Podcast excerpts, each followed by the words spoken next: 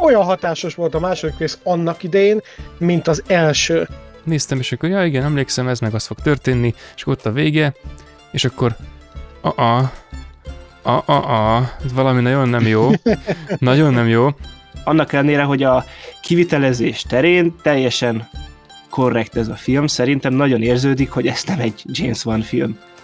Nem úgy, tud senkinek szurkolni? Hogy egyrészt nem tudunk senkinek tudok, szurkolni. Tudok, a, a vasnak szurkolok, ami, ami elvágja a szereplőknek a torkát, bazd meg, meg a kezét. Hogy álmában összerakja, hogy hol van tulajdonképpen a Jigsaw, és így vágás, és már mennek érte a rendőrök. Katasztrófa. Tehát, hogy ez, ez, az, ez ami így zajlik, ez, ez a rész, ez, ez elképesztő, elképesztően szar. Igen, és akkor tehát megcsinálták azt, és akkor Amanda utána meg elment, és várta a fürdőkádban, hogy megérkezzen a, a rendőrfelügyelő. Ja, jó ideig várhatott. Hogy igazából horrorfilm meg brutális, meg ilyesmi, de van benne lélek. Legalábbis ahogy, ahogy nézed, így érzel kötődés így a film iránt. Itt a második résznél meg nem. Ez a film egyértelműen a gonosz irányba tolja a szimpátiát, akiknek az ideológia ráadásul ilyen elképesztően romlott.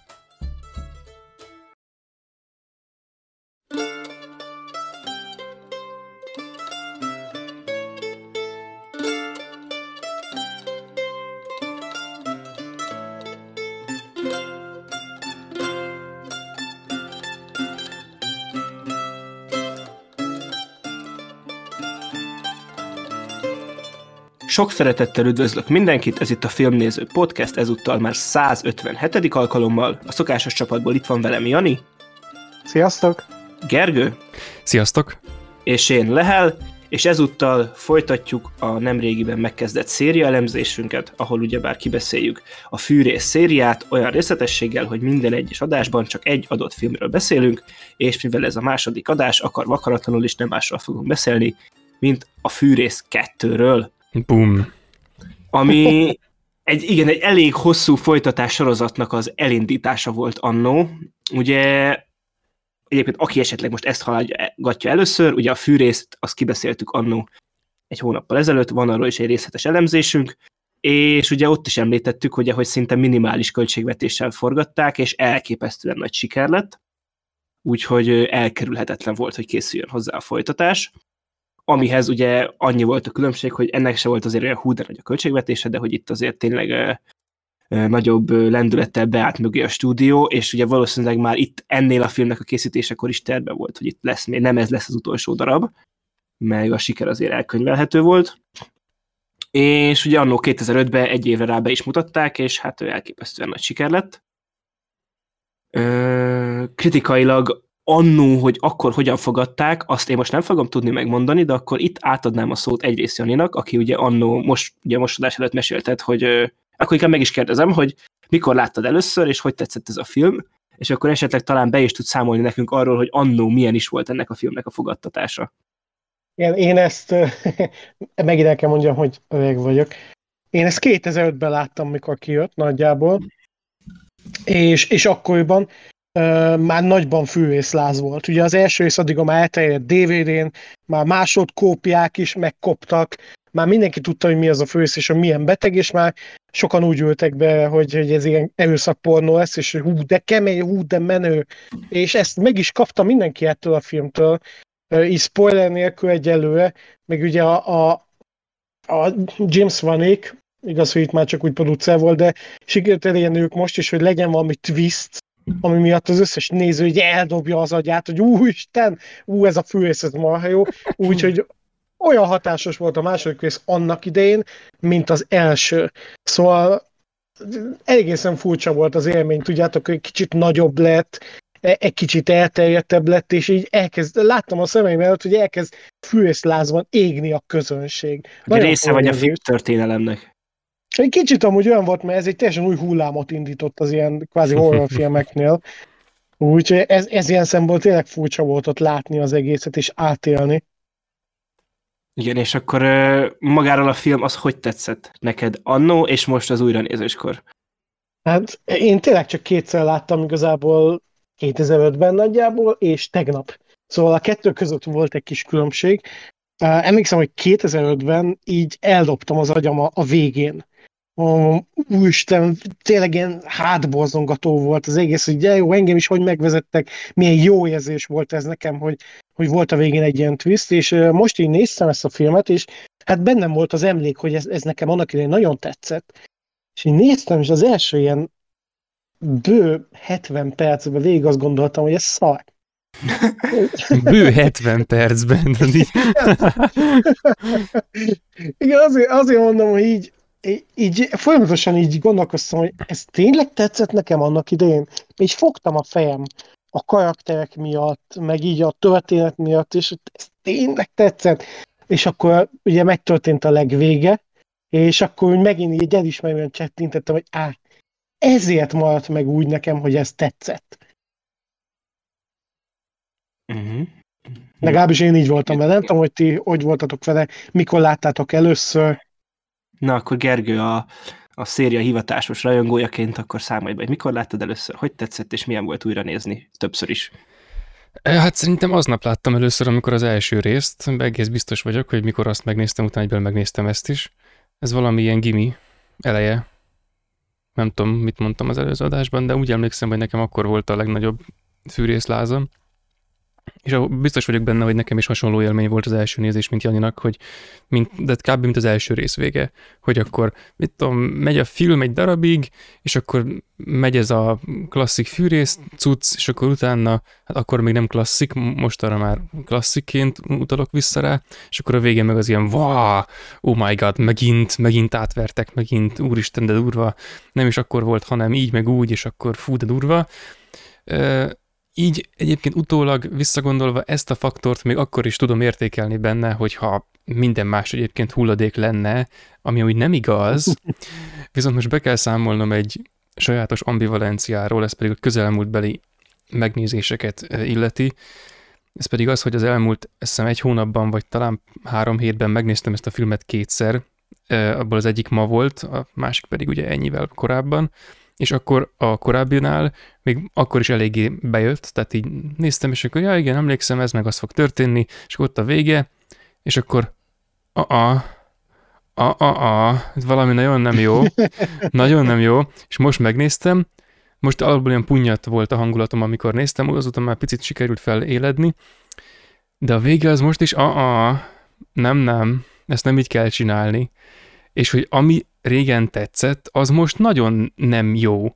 És hogy nem az a baj vele, hogy nem működik, mert működik, valaki másnál biztos működik, de nálam nem működik, és pedig azért, mert a fűrész képlet, amelyre a James van az első rész készítése során ilyen zseniálisan ráleltek, ahogy a szűkös körülmények között dolgoztak, és mégis felszínre bukkant a, a rendezői, meg a mindenféle praktikus, meg agyalós munka során a, ez a zsenialitás, ami, ami összehozta ezt a, ezt a fűrész élményt, ami ez van. Ezt a második részbe nem sikerült reprodukálni, pedig kibaszott egyszerű. Tehát az a, az a nehézség, amivel ők, amivel ők le, leforgatták az első filmet, az egy annyira, épp annyira egyszerű képletet eredményezett, hogy hogyan kell ezeket a dolgokat úgy csinálni, hogy izé. És a második részben is benne van a készítési bravúr, tehát végignéztem most a verkfilmet a, a injekciós tűs jelenetről, hogy azt hogy rakták össze, meg az összes többéről, hogy itt cseleztek, stb. Ennek se volt sokkal nagyobb a költségvetése, pár nappal forgattak csak többet, mint az első résznél, stb. De az meg, hát olyan egyszerű, miért nem tudtátok megcsinálni jóra a végét? De tényleg. És szóval ez a, amikor először néztem erre, biztos nem gondoltam, sőt az ellenkezőire gondolhattam, most pedig sajnos erre kell gondolnom, és az elmúlt három hét két megnézéséből ez a mai, ez ezt még erősebben belevéste a tudatomba, de azt fenntartom, hogy ez egy nagyon fontos film az egész fűrész mitológiára nézve, a fűrész útkeresését, az egész fűrész univerzumnak az útkeresését tekintve, mert ez indítja el a szériát, tehát alapból, amikor az ember ilyet hall, hogy hát igen, a franchise-t, két, a franchise-t, az, a brandet. a, a, igen, igen, igen, tehát az ember ilyet hall, hogy két pont közé már fel lehet rajzolni az egyenes, egyenest, na akkor ez itt teljes mértékben igaz. És akkor már ott is tartok, hogy mondjam Lehel klasszikus szövegét, hogy na kitettük az irányjelzőt, és ez ez kell lehet, ez a film.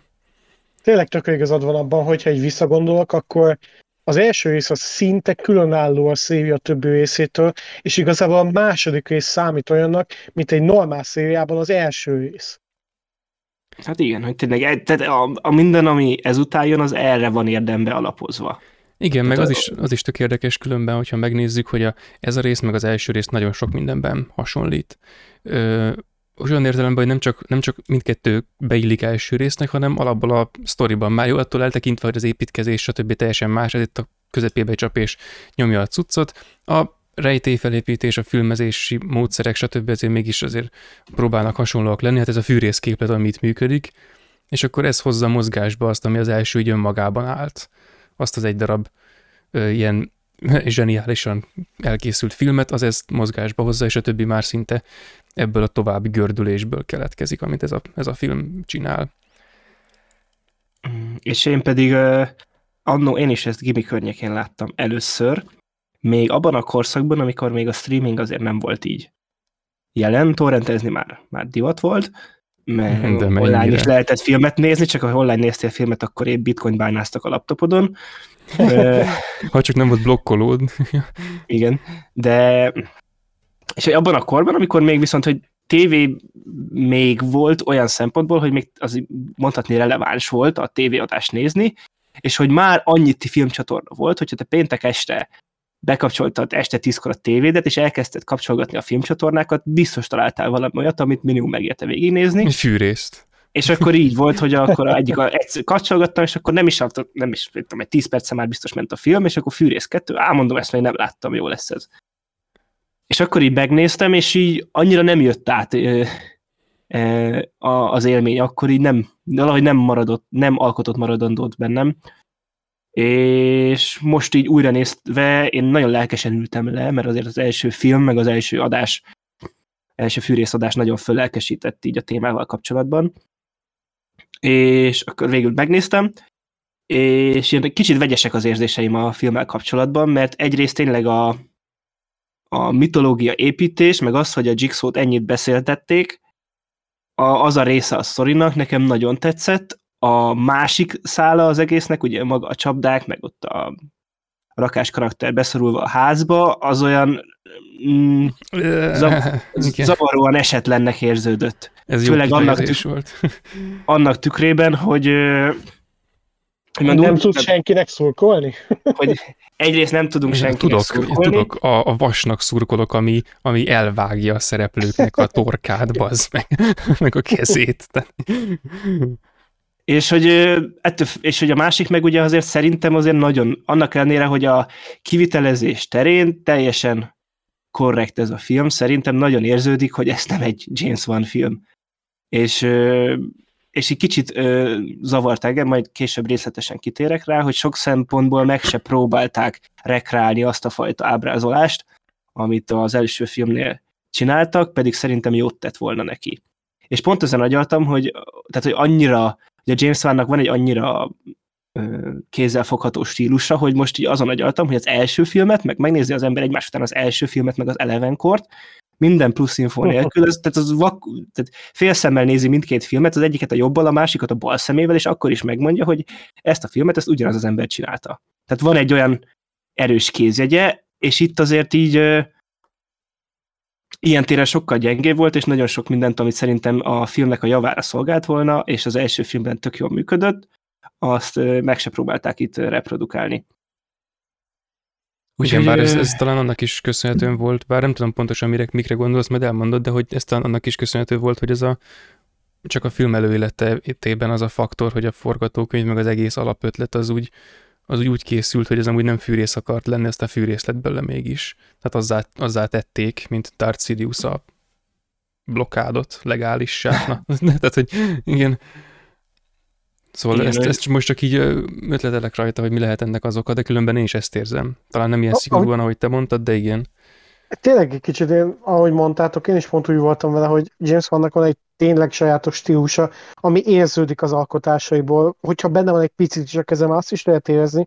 De olyan, hogyha megnézték volna a Fűrész 2 készítője a Fűrész 1-et, és pont a rossz dolgokat szűrték volna le belőle. Szóval, hogy, hogy izé, tudod, ez elemezd, és akkor csinálj belőle valamit, és akkor És mik megvan- voltak ne a fűrész egy rossz részei? Na most akkor... Én nem úgy értem, hogy a jókat nem, nem vettek át olyan dolgokat, amik miatt a fűész az jó fűész, ami miatt a fűész az annyira különleges és rohadt jó film volt. Hanem így kb. azt, hogy ú, igen, stílusosan gyorsított vágások, meg gyorsított felvételek, igen, vagdosok össze-vissza, meg a brutális csapdák, igen, legyen vér, meg ilyesmi, de míg az első részben ott volt a lélek, meg ott volt az izgalom, a titokzatosság, így a második részben ezt úgy, ahogy van, elengedték, és tényleg csak arra mentek el, hogy ez egy ilyen kínzás, meg erőszakpornó legyen, a végén egy nagy csavarral. Mert hogy úgy gondolták, hogy ez a széljának a védjegye mostantól. Ami ebben amúgy nincs akkora tévedés, így belegondolva, meg azért két dolgot ehhez még hozzá lehet tenni. Az egyik ez a mitológia építés, ami azért majd fontos lesz, majd ha már eljutunk a későbbi részekig, akkor már mindenképpen, hogy egészen egészen fura módon jól alakul ez az egész fűrész mitológia, amihez minden rész hozzáteszi a magáét, a másik meg az egyébként, amit te mondtál az első rész kapcsán, mindegyik fűrészben, vagy ha az összeset nézzük, akkor nincsen ember, akinek valamilyen legmélyebb félelme, ilyen zsigeri félelme ne lenne valamelyik filmben megtalálható, és na akkor ebben azért szintén felvonultattak legalább egyet, vagy hát a kettőt, a klaustrofób elégetés, hát, meg a... Meg a, a izé a az igen, meg a... Neke, nekem benne volt a, a, a tűverem. az tűverem, na igen, puftát az...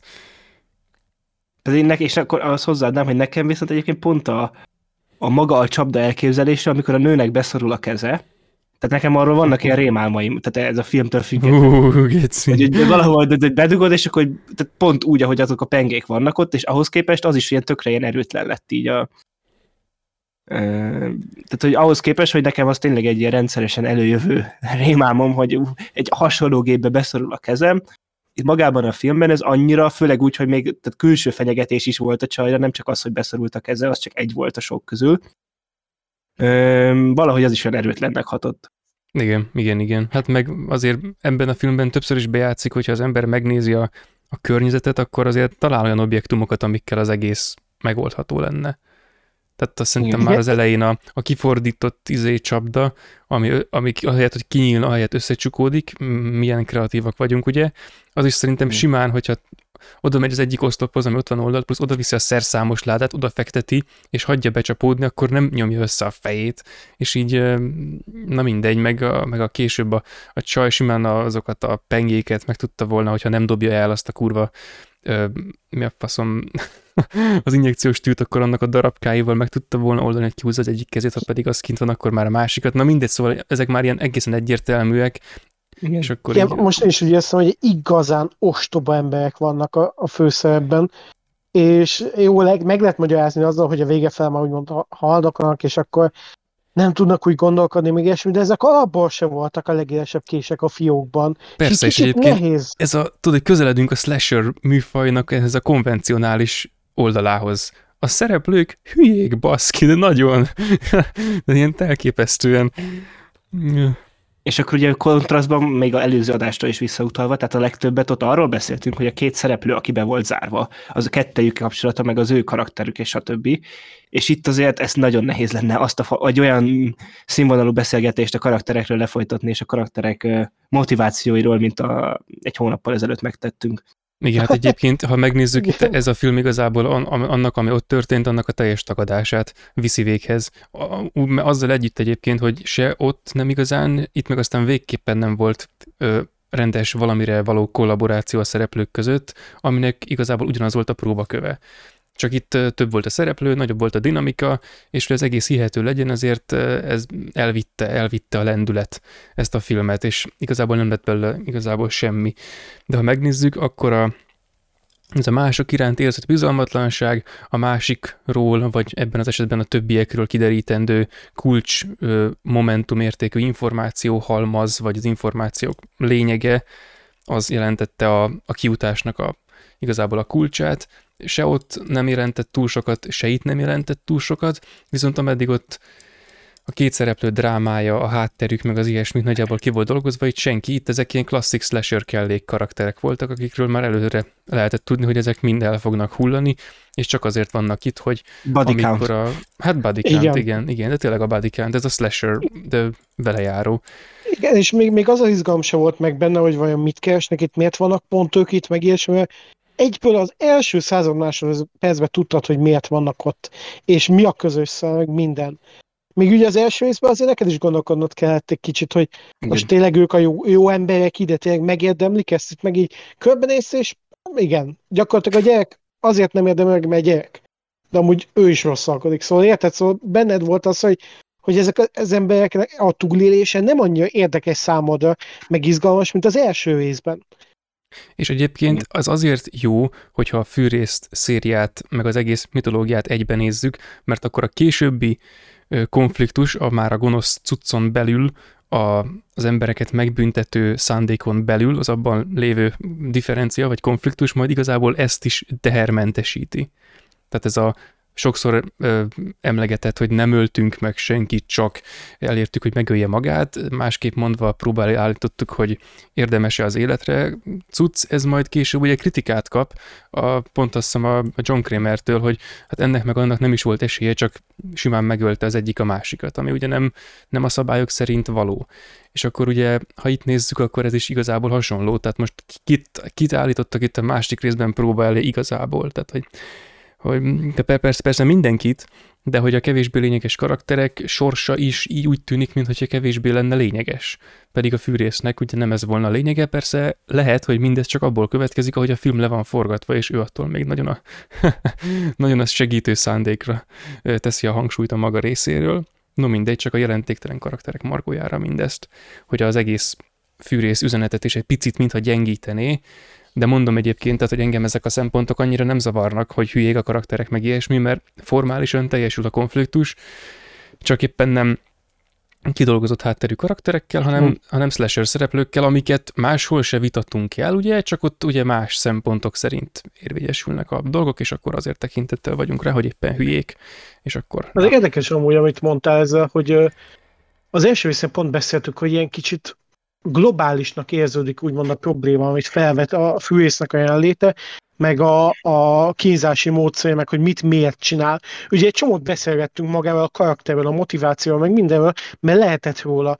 Itt azt, mint a teljesen kihagyták volna. Mm. Mint hogyha nem is kaptunk volna, hát legalábbis olyan beszédtémának alkalmas motivációs kört, vagy bármilyen indokot, ami, ami így azzá teszi a főrész, mint amit az első rész után mi gondoltunk róla.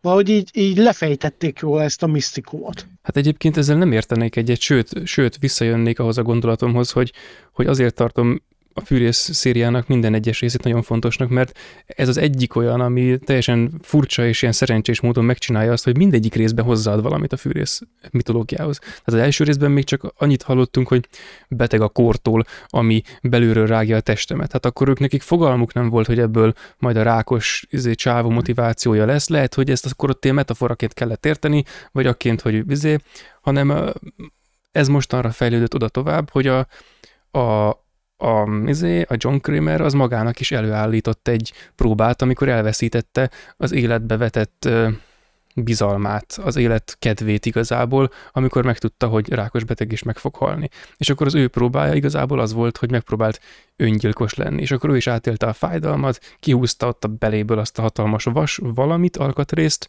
és akkor utána elkezdte ezt mindenki mással is megcsinálni. És akkor az első, aki kiállta a próbát, az igazából ő maga volt, és magát állította a próba elé. És ezért ezért ez ennyivel bővült a karaktere. Aztán a harmadik hát, rész majd megint tovább Személyesebbé tette a dolgot amúgy. Ez, nekem pont ez nem tetszett, nem tetszett benne, hogy személyesebbé tette, míg az első részben volt az egy ilyen kicsit globálisabb üzenet is. De így most egy kicsit jobban megismertük őt, amit én, hogy hozzáadott, de nekem furcsa módon pont el is vett a karakter erényeiből, meg az, az izgalmasságából. Viszont van még egy nagyon fontos rész az egésznek, ugye pont amit feltesz kérdést a, a detektív Matthewsnak, hogy hogy mi a, mi a gyógymód a rákra, vagy valami ilyesmi a kérdés.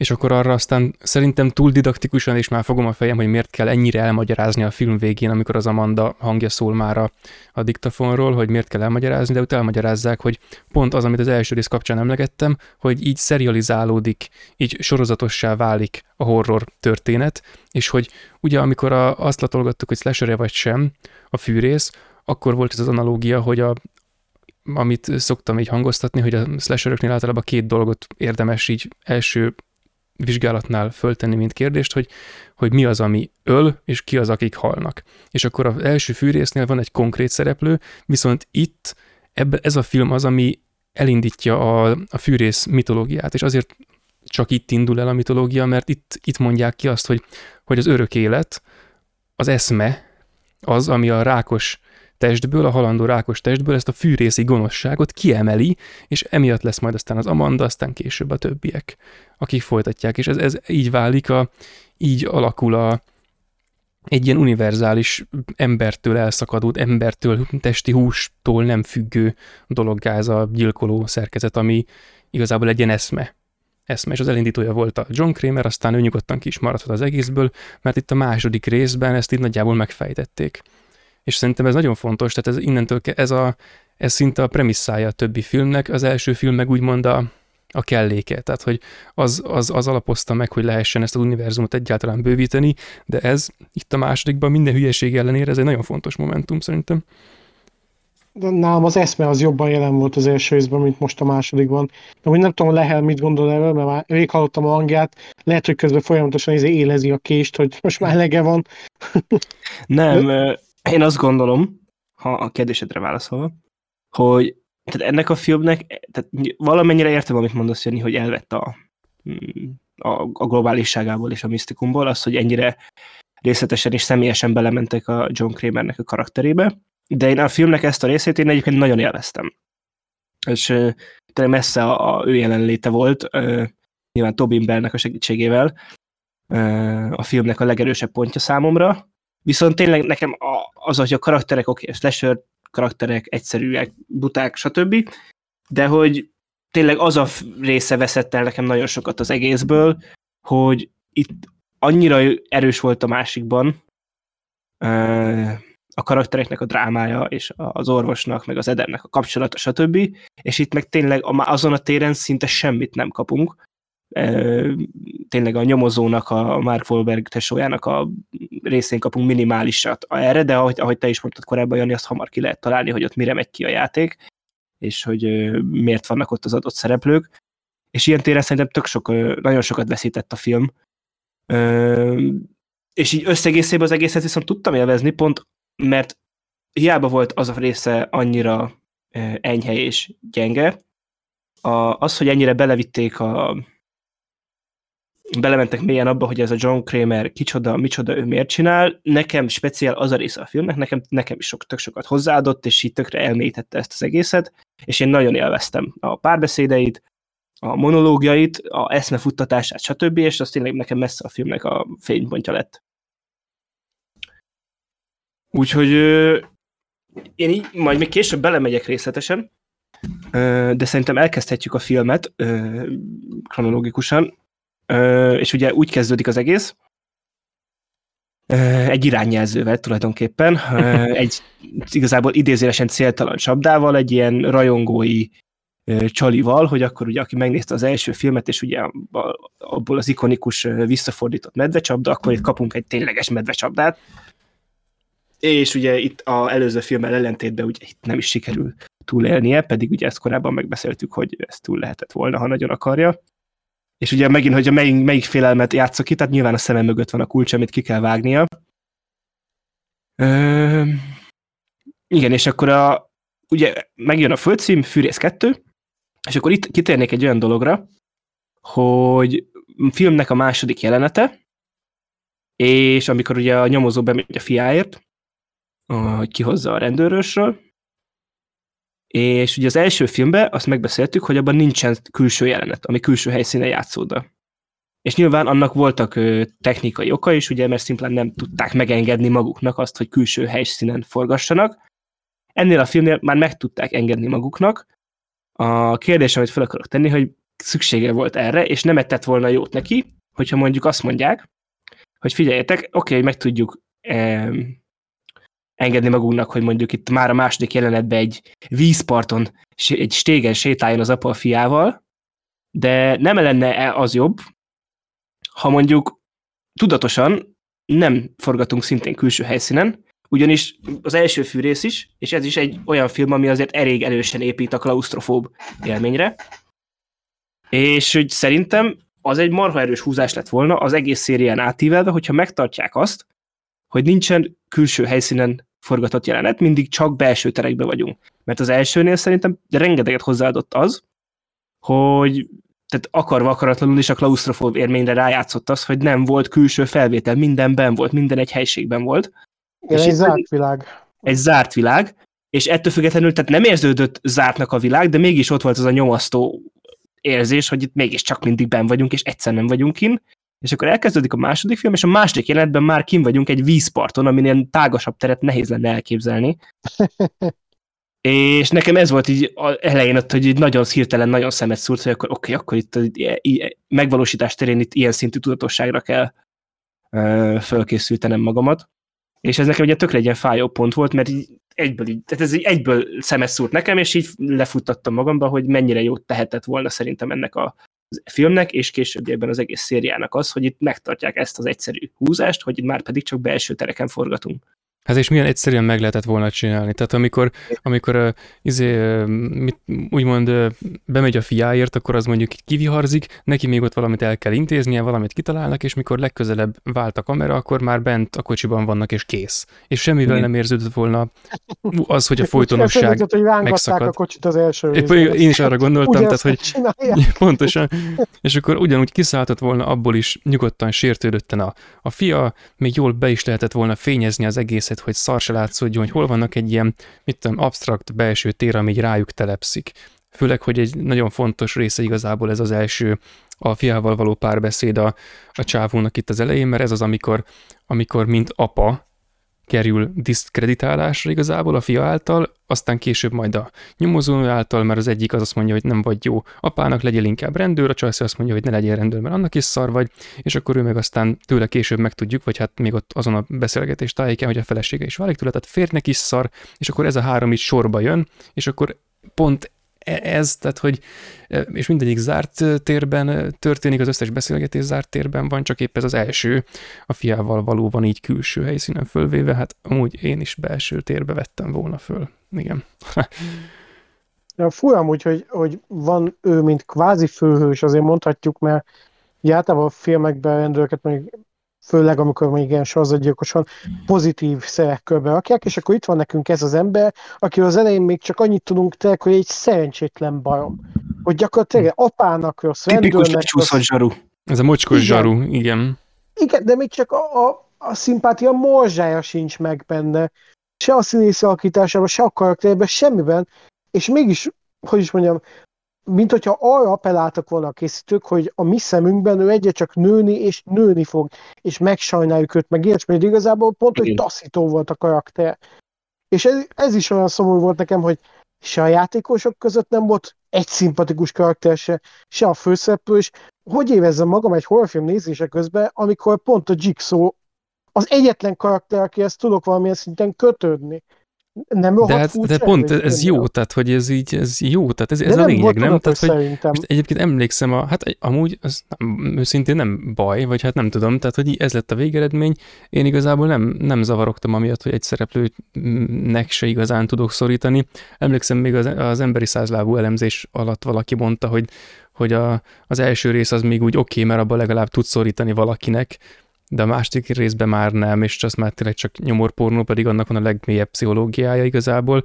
De és így basszus, tehát, hogy pont annál a filmnél kellett magyarázni, hogy de itt nem az a lényeg, hogy, hogy szorítsál, mert te már a nulladik lépésnél tudod, hogy mindenki meg fog halni, és ezt, ez előre van bocsátva. És pont a fűrésznél, pont a második résznél, tehát persze, Igen de, de, igen, de hogyha visszamegyünk oda, tehát ott az első rész, még egyszer, tehát hogy ott pont ez adott rengeteg többletet neki, hogy már pedig tudtál szorítani a szereplőkél, annak ellenére, hogy miután kiderült, tehát, hogy ott is, hogy, hogy megérdemlik, ő nem, és igazából, tehát, hogy a Jigsaw metodikája alapján mindenkinek ott volt a helye a játékban, de ettől függetlenül ö, tehát a doktor karakterét, most nem jut eszembe a neve a karakternek, Gordon. a Gordon, Gordonnak, tehát, hogy, tehát neki valahogy mégis, tehát, hogy szurkoltunk, amikor tényleg elborult az elméje, és összeállt neki, hogy már pedig hiányzik a családom, és stb., és neki állt levágni a lábát, ott mégis azt akartuk, hogy elmúljon a szenvedése és túlélje, mert volt egy olyan mélyen felépített karakterdrámája, és itt a rendőr csávónál is vagy azt lehetett volna megjátszani, hogy amit olyan mondott, hogy akkor valami itt változik, vagy árnyalódik a kép, de itt az elején tényleg az volt, hogy itt nem olyan volt, mint az első filmben, hogy mondjuk van egy szereplő, akiről hogy nehezen tudod eldönteni, hogy akkor ő most ilyen vagy olyan, hanem ő ilyen volt, és aztán kiderült, hogy igen, és még nagyobb seggfej, és pont. És így nem teli be probléma, mert tényleg itt ez a film teljes mértékben a Jigsaw-t rakta a középpontba, és ilyen szinten én egyébként szerintem látok benne tudatosságot, csak szerintem ez nem feltétlen jó, és szerintem pont ennyivel kevesebb ez a film, mint az előző volt. Igen, hát ez akkor lett volna tényleg a legjobb, hogyha van egy, egy kemény, ilyen, ilyen, hát egy, egy ilyen melodramatikus nyomás abban, hogy bár ott van a csávó, elérhető közelségbe kerül a, a nagy gonosz, ott, ott ül, és mégis érinthetetlen, és hozzá akarunk férni valahogy, bár itt van a kezünk között, de mégse bírunk, és akkor a végén mégis ö, van valami drámai töltete annak, és nem csak az, hogy ő először a jelenlétével, aztán pedig ezzel a, ez a zseniális átverésével ledominálja a szereplőket.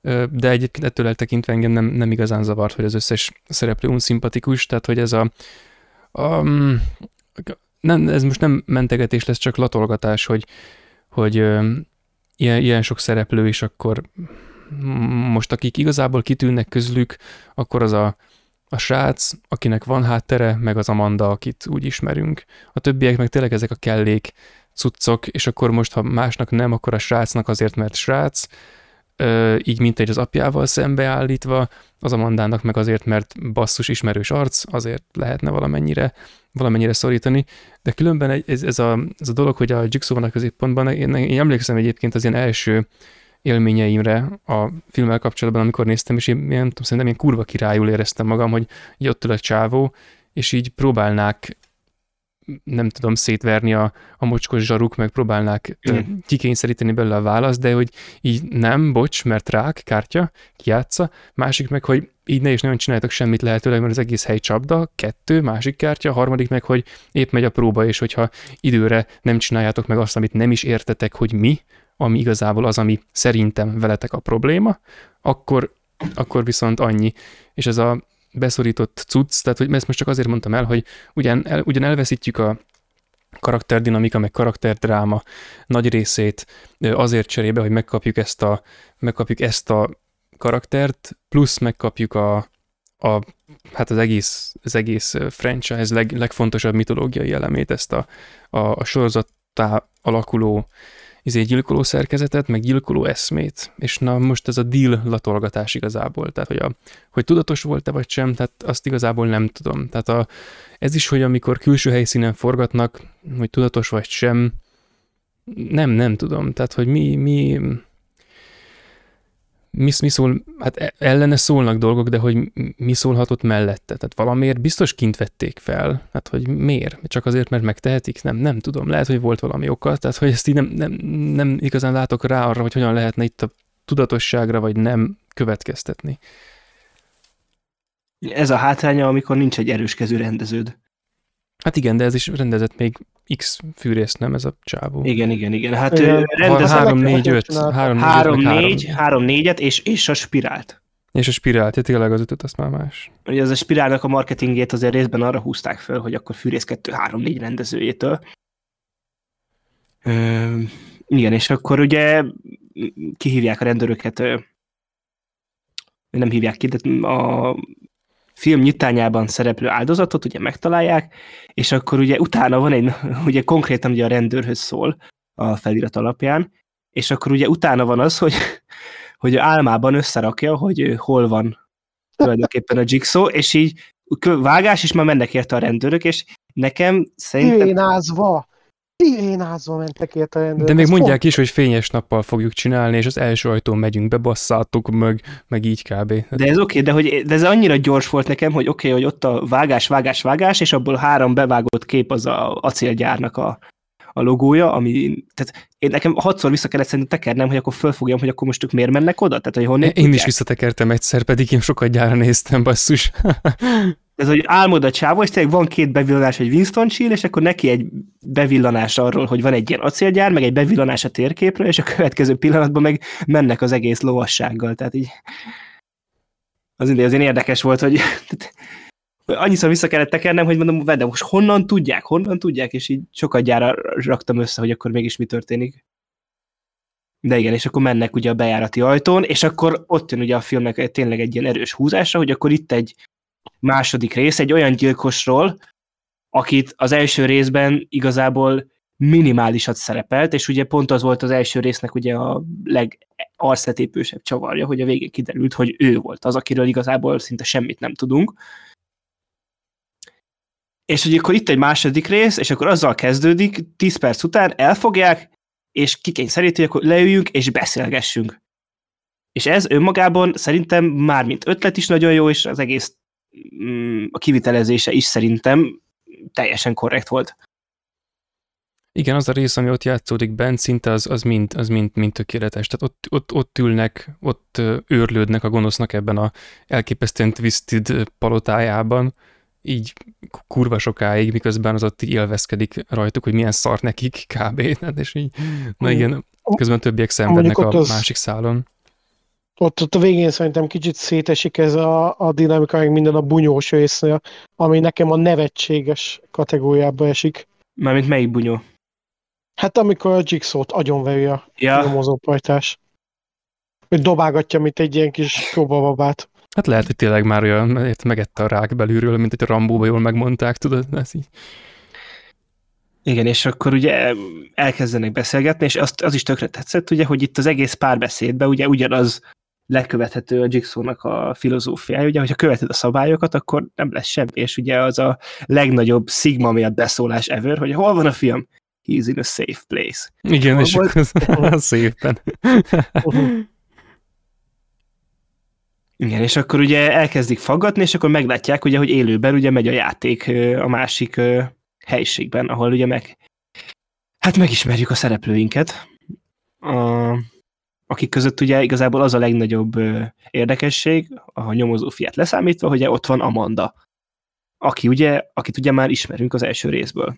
Viszont, bocsi, ott volt egy nagyon jó technikai húzás szerintem a reveal-nél, ugye, hogy éppen zajlik a játék, mert ugye, hogyha csak azt csinálták volna, hogy lehúzzák a monitorokról a leplet, és ott vannak a játékosok, ugye mutatták a monitoron, Igen.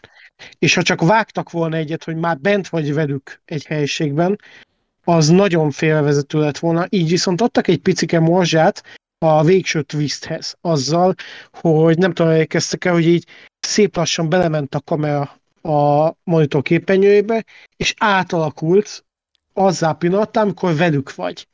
Igen. Szóval, hogy a... De ezt aztán többször is beadják, nem? Tehát ez, ez jó, ez tényleg jó momentum. De csak úgy értem, hogy ez például, ez szerintem tök tudatos volt olyan szempontból, hogy ha csak vágtak volna egyet, azzal nem alapozzák meg a végső twistet, így viszont tök megalapozott lett vele. Szóval adagoltak ilyen morzsákat nekünk a Safe Place szöveggel is, meg végig ugye voltak ilyen arra jelek, hogy mi lesz a végső csavar, és szerintem ez is egy ilyen volt, és ez viszont tök intelligens dolog a készítők részéről technikailag. Igen, igen, hát meg már az is egyébként, ami az első résznek is az egyik legnagyobb ilyen agyfelrobbantós faktora, meg igazából itt is elég jól működik, de nyilván onnan vették át, amikor az első részben ugye a kórházban meglátjuk a kifordított medvecsapdának a terveit a, a John Kramer előtt konkrétan ott a kórházi valami táblán, itt pedig a, az a kézbedugós, pengés, kibaszós csapdának a terveit látjuk meg, mikor azt hiszem ott nézegetik igen, a terveit, tehát itt ezt is beadták, ez, ez is tök jó volt benne, igen, igen. Hát meg alapból egyébként az, hogy az, ahogy az Amandának a karakterét felépítik. Tehát az, azután, hogy, hogy a nagy darab csávó behajítja oda a injekciós tűk közé, Szerintem senki nem gondolná, hogy akkor ő, ő, ő lesz majd a, a geci a végén, és ő maga se gondolta szerintem, hogy oda be fogja hajítani valamelyik köcsög, tehát hogy, és akkor egyébként ez tovább is vezet kicsit ahhoz a kérdéshez, hogy mennyire, amit amúgy te mondtál lehet rohadt, rohadt jól az elején, hogy meglehetősen esetlen ez a rész, tehát hogy itt aztán bármi történhetett volna. Tehát, hogy ezzel a leosztással, ezekkel az emberekkel, ez egy pokolgép. Tehát, hogy itt itt bármi megtörténhet. Az is, hogy mindenki meghal. A tizedik percre lehet, hogy mindenki halott. És ahhoz, hogy az történhessen, ami történt, ahhoz nagyon sok véletlen kellett, annyira sok véletlen, hogy az már sorsszerű, és ez nem, nem igazán fűrészes. Tehát, hogy a, a fűrésznek, és az, azért is a, a, a spéci csapdák, a mérnöki pontosság, stb. az első részben, hogy össze van rakva, abba ez a fajta randomság igazából nincs benne, és ezt én nem akarom egyébként semmire igazán komolyan felhasználni, csak arra, hogy amit korábban is mondtam, hogy ez gyengíti egy kicsit ezt a fűrész szempontot, és mint egy az, ezeket az eszköz karaktereket, akik hát nyilván azok, akik narratív szempontból is, meg a, a, az, egész, az egész film számára is ilyen eszközszerűségek, ők, ők miattuk az egész fokozatosan gyengül, tehát kár, hogy benne vannak. Teljesen szükségtelen, hogy benne legyenek, ráadásul a, egy csomó pillanatuk, tehát a csajnak is az a kézbedugós, csak hogy erre utaljunk akkor vissza, az is olyan, hogy megy, megy, megy, már egy kúvályog, mert már teljesen megette az agyát, meg a belső szerveit az idegméreg, és hopp, hirtelen benyit egy szobába. Na, az hol volt eddig az a szoba, kérem? Igen. Meg, igen, az ilyenek. Tehát... pontosan ezt mondta a filmnézések közben, hogy honnan lett ott ez a szoba? Mert ugye végignézték egy csomóan, és érted, kb. abban a kettő-három helységben voltak végig, ahol alapból is, és egyszer csak hip-hopot egy szoba. Egy szoba, igen, és ez kat- katasztrófa. Tehát, hogy ez, ez az, az, ami itt zajlik, ez, ez a rész, ez, ez elképesztő, elképesztően szar és hogy, hogy bárhogy kisülhetett volna. Meg így, bazd meg. A, a, például én simán elbírok képzelni egy olyan fűrész kettőt, ahol amikor kiderül, hogy na az a csáva, aki elrabolt minket, az, az tényleg uh, itt van velünk a szobában, akkor azt mit tudom én kinyírják, vagy azt kényszerítik arra, hogy ezt meg azt megcsináljon, vagy ilyesmi, és hogyha már, ne, hogyha már úgy történik, hogy ő a menő, mert hú, megvágja a saját nyakát a késsel, akkor legalább emelkedne valami, tehát alakulna valami karakter, de nem alakul semmi. Tehát sem, semmi nem alakul ezekből. Igen, és a, a randomságához még azt hozzáadva egyrészt, ö, tehát hogy mi szükség volt szerintetek a mérges gázra? Ez az egyik. A másik meg ugye, hogy az, e, tehát az is, nem tudom, nem, nem, amit láttam a jövőbeli részekről, meg most nincs meg előttem, de hogy ugye, tehát az első részben ott ben voltak zárva egy szobába, ahol le voltak bilincselve, itt meg be vannak zárva egy házba, tíz ember, nem annyi, de hogy sokan. És hogy most, tehát ha helyükben, tehát még voltak ott, azt hiszem szereztek is ilyen eszközöket, vagy kést, vagy akármit, tehát elkezdték volna a falat kiválni, és így azt így egyszer nem kezdték el. De elkezdték, ezt megmagyarázták. Egy ajtót. A, a nagy darab csávó elkezdte szétverni, és rájött, hogy vasrács van az egész körül. Tehát, hogy ő megmagyarázta, hogy ez nem egy, nem egy fortress, tehát ebből ki lehetne menni, és aztán rájöttek, hogy amúgy nem. De az csak de egy jó, ajtó, hogy, az exit feliratú ajtón. Igen.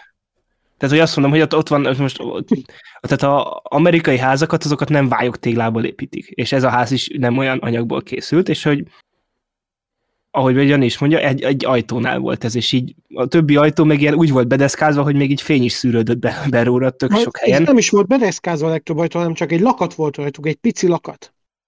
Vagy így, tehát igen, és hogy, tehát, hogy itt ez, ez nekem, ez is szemet szúrt, hogy akkor itt, tehát, hogy nekem itt az lett volna az első ilyen.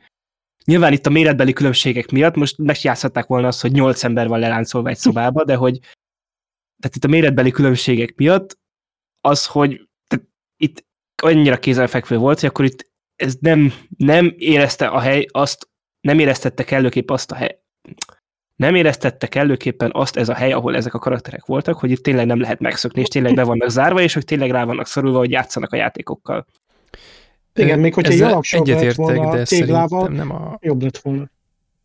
Igen, tehát egyébként ez, ezzel én egyetértek, csak hogy nem a, nem a, nem a ház miatt vagy, vagy hogy is mondjam, tehát hogy az egésznek a mozgatórugója, hogy ők bármit is elkezdenek csinálni, az tényleg, a, tényleg az idegméreg. Egyébként azzal, hogy most a ház hogy van összerakva, ez, ez ugyanaz a fajta hiba ebben a filmben, mint egyébként a, mint az, hogy az elején, hogyha így meg úgy lefekszik, és a csővel, meg a, meg a szerszámos ládával kitámasztja a cuccot, akkor nem vágja szét a fejét a maszk. Igen, de ez szerintem meg, meg, kézenfekvőbb, csak hogy azt akarom, arra akartam még, bocsi, csak hogy, hogy szerintem ezt a problémát, hogy akkor több szereplő van, és őket mozgatjuk, szerintem ezt lehetett volna valahogy elegánsabban kezelni, mint úgy, hogy az ablakok most itt van előttem a filmben, van deszkázva, de úgy, hogy fény is szűrődik be róla. Igen, én amúgy úgy csináltam volna, hogy mindenki kap egy szobát. De, csak így, de csak így random ötletelve. Tehát ez tényleg az, egy... hallják, és, és hallják egymást. hallják egymást. Igen, pont ez az. az hát vagy, ami, vagy egyébként, ami majd a későbbi fűrészekben lesz, hogy van az egyik, aki tud beszélni, és a másik, aki meg nem lát, vagy aki nem lát, azt tud beszélni, és aki meg lát, az meg nem tud beszélni, és akkor ketten vannak bekötve egy gépbe, és na, az tök jó, és hogy na, ugyanezt meg lehetett volna csinálni, tehát kombinatorika, kedves rendező, találjuk ki, hogy hogy lehet úgy az érzékszervek elvételével, illetve roncsolásával, vagy, vagy, vagy megtévesztésével játszani, hogy x darab embert külön szobákban, vagy egy nagy térben úgy lehessen alakítani, vagy a sztorit úgy lehessen alakítani, hogy a szereplők úgy viselkedjenek, hogy abból valami érdekes, oh, barátkozzunk ezzel a szóval, érdekes süljön ki. De hogy nem így, tehát ez tényleg Érdekes, hogy a, amit mondta, csak az érdekes szó, hogy rápattanjak, érdekes volt számomra, hogy az idegméreg valahogy nem igazán hatott a gyerekre, meg az Amandára. Jó, Amandának biztos volt szenvedett. ellenmérge, azt, most- ezt most el kell mondani, tehát azt tudja, hogy az Amandának be volt adva, ez, És Az az, az is benne lehet, hogy a gyereknek is be volt adva. mert annak is meg kellett Igen, de- úsznia valószínűleg. Ja, csak tudod, hogyha ennyire kiszámíthatatlan, meg bármi megtörtént, amiről így alapoztak, ahogy el is mondta, akkor ez, ez miért nem lett mondjuk, hogy is mondjam, kimondva? Vagy, vagy, vagy, vagy, tudod, hogy a végén a montásban tényleg egy vágókép, ahogy a be- beszúrja a gyereknek, meg az Amandának az injekciót, meg, vagy be, mint Amanda beszúrja egy, először a gyereknek, utána meg magának az injekciót. Igen, a egyébként pontosan, nagy pontosan azokban a, abban a montásban, ahol a reveal pillanatnak kéne lennie, na ott tök érdektelen dolgok voltak bevágva. Ezért is mondtam azt az elején, hogy a végénél így, a, a, itt valami nem jó, rohadtul nem jó, és az nem csak a zene, amire majd kitérünk, hanem ez is. Tehát ott be voltak vágva azok a momentumok a filmekből, amiket mi is láttunk. Tehát nem volt olyan, mint ami lesz majd a, ami volt a fűrész egyben, meg ami a későbbi részekben. Jó, Egy, egy ilyen talán, talán volt, amikor az Amanda vágja az erejét, és akkor odébb Igen, fordul meg- a kamera, és olyat látunk, amit eddig nem. Tehát, hogy, de hogy azon kívül nem volt semmi ilyen, ami újat adott volna hozzá, hogy amúgy nem így volt a kontextus, vagy valami ilyesmi. Annak amúgy volt értelme? Hogy Amanda felvágta az? Ö, Később majd kitérd a mitológia, ez a második rész, ez... Mert ebben a második részben nem, nem jött ez át, hogy ez miért kellett, mert még hogyha az lett volna, mert először arra gondoltam, hogy felvágja az erejét, miután már túlélte a csapdát, és hogy azért került vissza a második menetbe, mert hogy nem értékelte az ajándékot, amit kapott az első után. De utána mutatták, hogy ott van mellette ugye a John Kramer, Igen, annak Igen. semmi értelme nincs, szerintem, tehát az tényleg... Annak, annak nincs értelme ennek a jelenetnek, nincs. Igen, és ugye a- az az érdekes, ugye, hogy a, tehát a első részben, amikor megnézed a montást, akkor igazából az emberben benne van az a kívánság, hogy láthass azt, ami itt a második részben megtörténik. Hogy ugye, hogy a John Kramer elmondja az egészet, hogy akkor mit miért csinált tulajdonképpen. Viszont a Amandánál most a harmadik részt szerintem még nem láttam, vagy ha igen, akkor nem emlékszek rá. De hogy tudtommal ott az nem lesz így kifejtve az Amandának, mint úgy, úgy, úgy, csak ugyanúgy, mint ahogy ő, hogy akkor hogy lett ilyen hívő, meg hogy tért meg, ez ennél bővebben, mint így a, mint az első rész és a második részben lett a John Kramernek. A harmadik, ö, az a baj, hogy én nekem nagyon összefolyik az egész, hogy mi melyik filmben volt, hogy őszinte legyek, ezért nem tudom megmondani, de a harmadikban elég erősen differenciálódik ez a dolog. Én úgy emlékszem, hogy abba, abba sok minden kiderült, tehát ott is sokat fog szerepelni a John Kramer, meg ott is, tehát ott is ö, Hm. Sokat lesz Amanda, meg ilyen. Igen, na, ott kettejüknek ott, ott az, az ott elég jól össze lesz rakva szerintem. Már hogy a harmadik rész az, amire most éppen gondolok, hogy a harmadik rész. Igen, Igen, egy hónap múlva kiderül legkésőbb. igen. Nekem már Meg a másik egyébként, hogy ehhez, ehhez a, az az érdekesség, hogy olvastam a, a fűrésznek a, Wiki, a Wikipedia oldalát, és akkor hogy a fűrész széria egy franchise, ami tele van ö, retkonokkal, flashbackekkel, és ö, újra magyarázásokkal, meg stb. Hogy, tehát, hogy így Hát ez a, igen. Um, ebbe így beleillik, és a, egyébként tökre az, az a, nem tudom, hogy a, mennyire lesz így a későbbiekben benne, ugye ez a végén mindig átértékelődik teljesen ez a gyors montázsal, de hogy ez kicsit olyan, hogy ez, a, tudod, ez is az a önmaga farkába harapó kígyó, hogy a végén gyorsan kapsz egy valamit, ami annyira felhápol a másodikra, hogy úristen, itt még mennyi minden lesz, és itt tökre a Resident Evil franchise jutott eszembe. Hogy ott volt mindig az, hogy véget ért a film, és akkor na, akkor itt még bedobunk egy olyat, hogy na most a második részt látnod kell, meg a harmadikat, negyediket, és a többit, és a többit. Hát bár egyébként őszintén én nem erre szoktam felhájpolódni a, a fűrész filmek végén, hanem hogyha látom, hogy van új fűrész, akkor ah, na igen, már most már nem él ez az élmény, mert már az utóbbi pár rész tényleg nagyon hulladék, és tényleg csak a mitológia terjesztése miatt nézem őket, de hogy a, hogy mm, szerintem az első, első rész is egy kerek történet, tehát hogy le van zárva, a gonosz tovább él, hogy kell a slasherben, Igen. tehát hogy izé, a második rész is hasonló, tehát csak a, csak a, a, a, a nagy történet fölötti történet az, ami miatt engem ez, ez úgy valahogy érdekel, és szerintem a második is úgy záradott le, ahogy, ahogy le kellett neki, tehát ilyen végzetszerűen, vagy, vagy hogy mondjam. De, De, a, de a ja, saj... ja.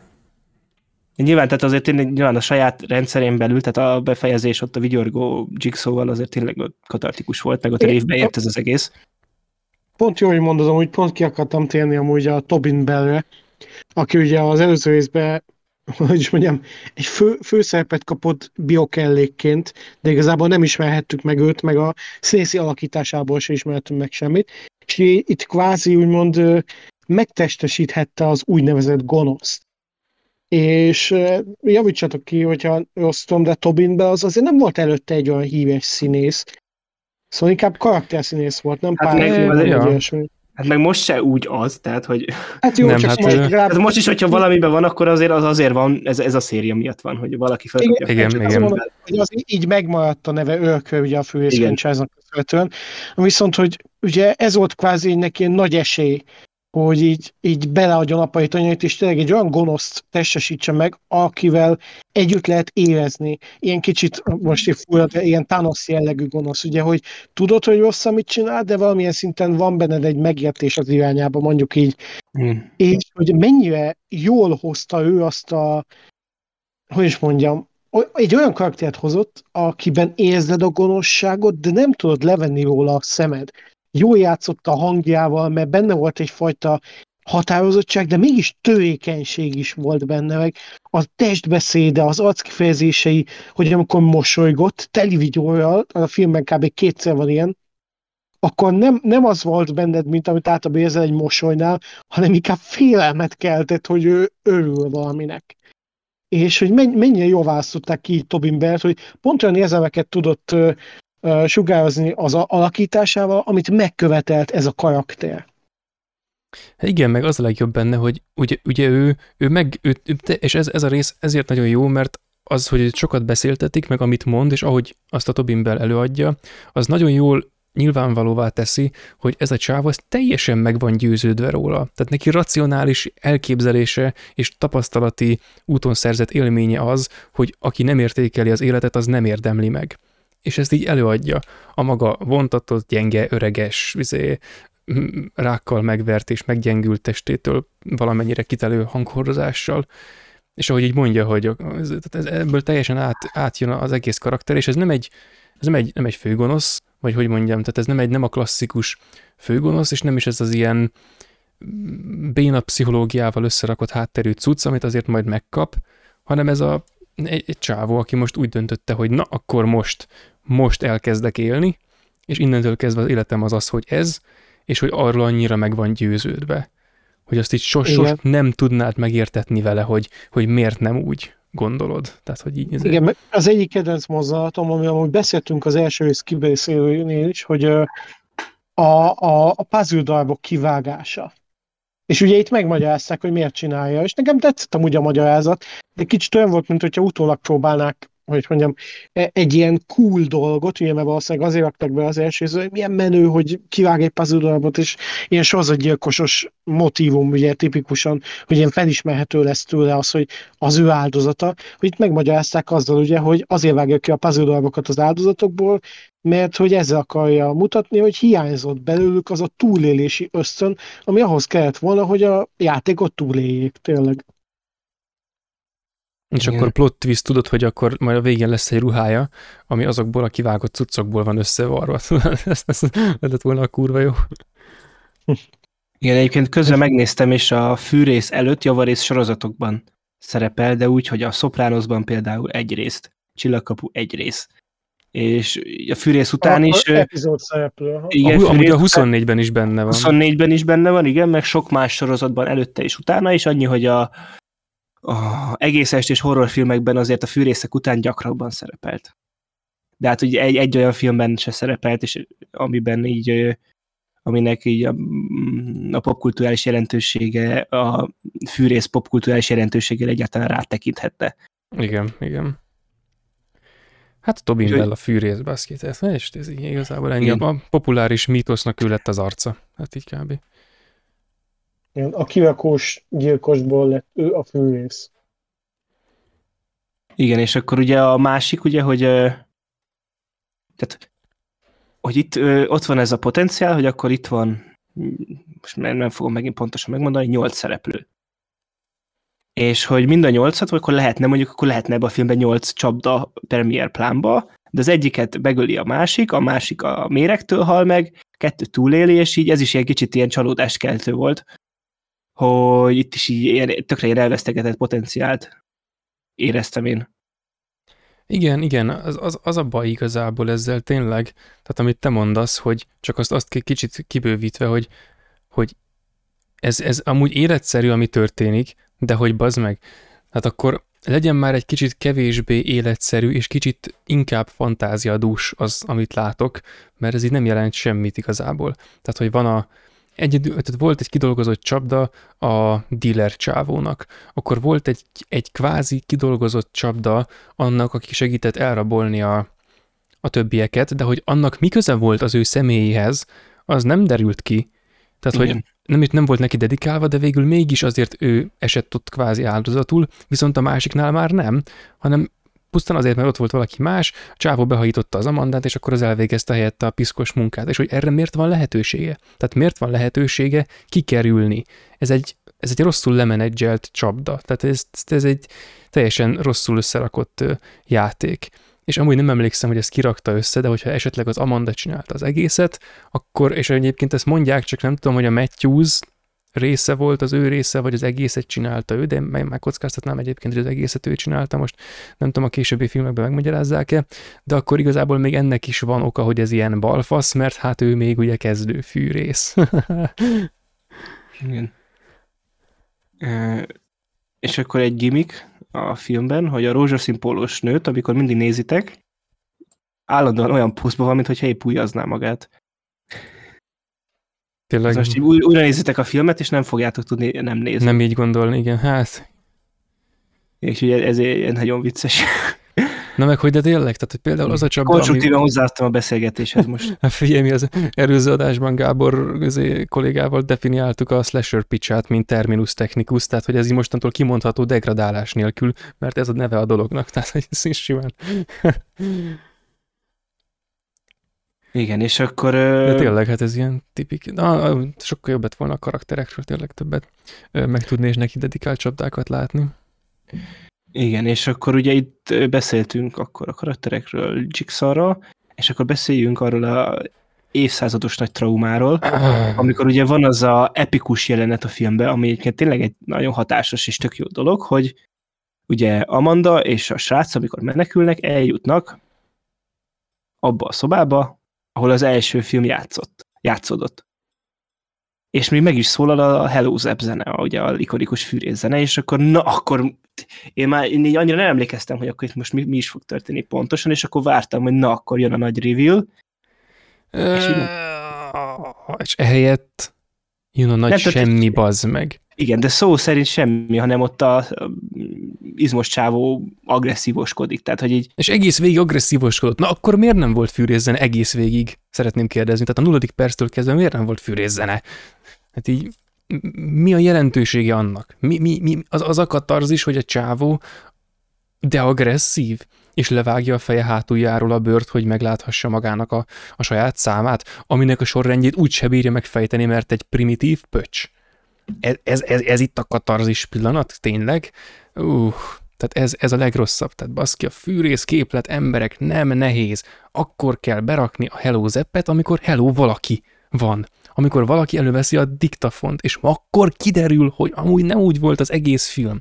És oké, okay, ezt a film végén is megismétlik, de hogy ezt a zenét egyszer lehet eljátszani egy filmen belül, nem kétszer, és baszki, amikor ide berakják, ahova most te mondtad, amikor bejön ez a faszfej, és levágja a tarkójáról a bőrt, akkor így elkezdődik a zene, hogy benne legyen az elején az a menü, amikor érzed, hogy az meg elkezdődött a zene, most jön a kemény izé, és aztán kivágják a közepét, és berakják a baszó részt a végéről, mert gyorsra akarták vágni azt, hogy, hogy milyen komolyan és milyen hamar leaprítja a fejét, és ezért kivágták az egészet, és nem épül fel a, a, a katarzis a zenével párhuzamosan, hanem így átugorják, és akkor van itt egy ilyen semmi bazd meg. Egy, egy nagy kurva semmi. Elképesztően és szar. És hogy ebbe az az érdekes még, hogy én egyébként értem, hogy itt mit akartak. Mert ugye nyilván most akkor oké, okay, visszakerülünk oda, ahol a első film játszódott, és akkor megidézzük azt, de még csak nem is akkor csendül fel, amikor bemennek, hanem utána, amikor megjelenik a csávó, és elkezd erőszakoskodni. Oké. Okay. És hogy ahogy mondjak egy olyat is, amit amúgy ritkán szoktam, hogy ezt a közelmúltbeni hasonló jellegű folytatás, vagy régi filmet megidéző filmekbe szerintem egy sokkal elegánsabb tendencia, amit itt akár használhattak volna, hogy amikor kinyitják az ajtót, és akkor megjelennek ott a szobába, akkor mondjuk mi lett volna, hogyha nem az egész szám konkrétan megszólal, hanem csak tudod az első három hang belőle, vagy valami így fölcsendül. Igen, igen, igen. Annyi. És ugye ez, ez manapság, ez ilyen tökre divat, és ez sokkal elegánsabb lett volna, mint e. Tehát ekkor még ezt nem találták föl, vagy nem tudom, és akkor, tehát itt tényleg olyan, mint amikor tudod, hogy valamit nem találnak föl, és akkor jó, jó hát, hogy tudom, ha lett volna akkor telefon, ez mennyivel egyszerűbb lett volna. Hát hát igen.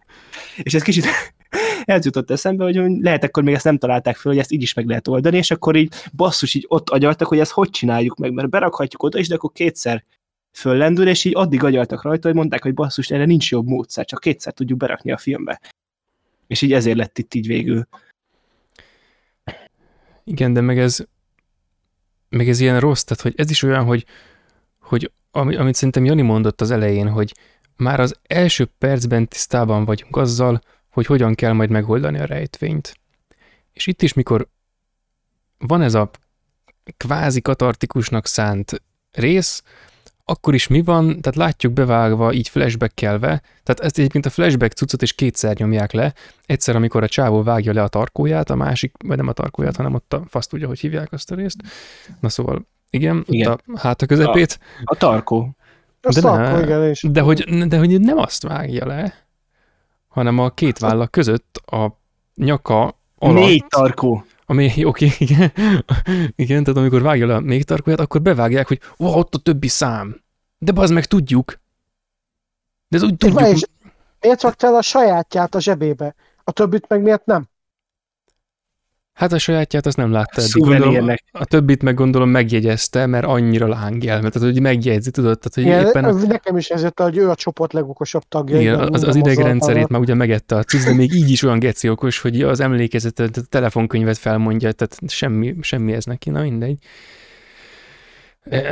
Szóval ez, ez botrányos, ez tényleg vállalhatatlan, meg, meg ez, hogy... Én most bevallok amúgy valamit, rám hatással volt a zene most is de szerintem nem a, a filmnek az érdeme, hanem a zseniális zené. Meg, meg az első film, hozzá, meg az első film. Azt meg amit társadottam hozzá az első rész után. Igen, igen. És, tehát valamilyen szinten rám is hatással volt a saját jogán, hogy megszólal a zene, és ott vagyunk az első rész helyszínén, csak ugye ezáltal közben én vártam, ugye, hogy akkor, na, akkor itt most majd lesz valami. Csak ugye az úgy elmaradt.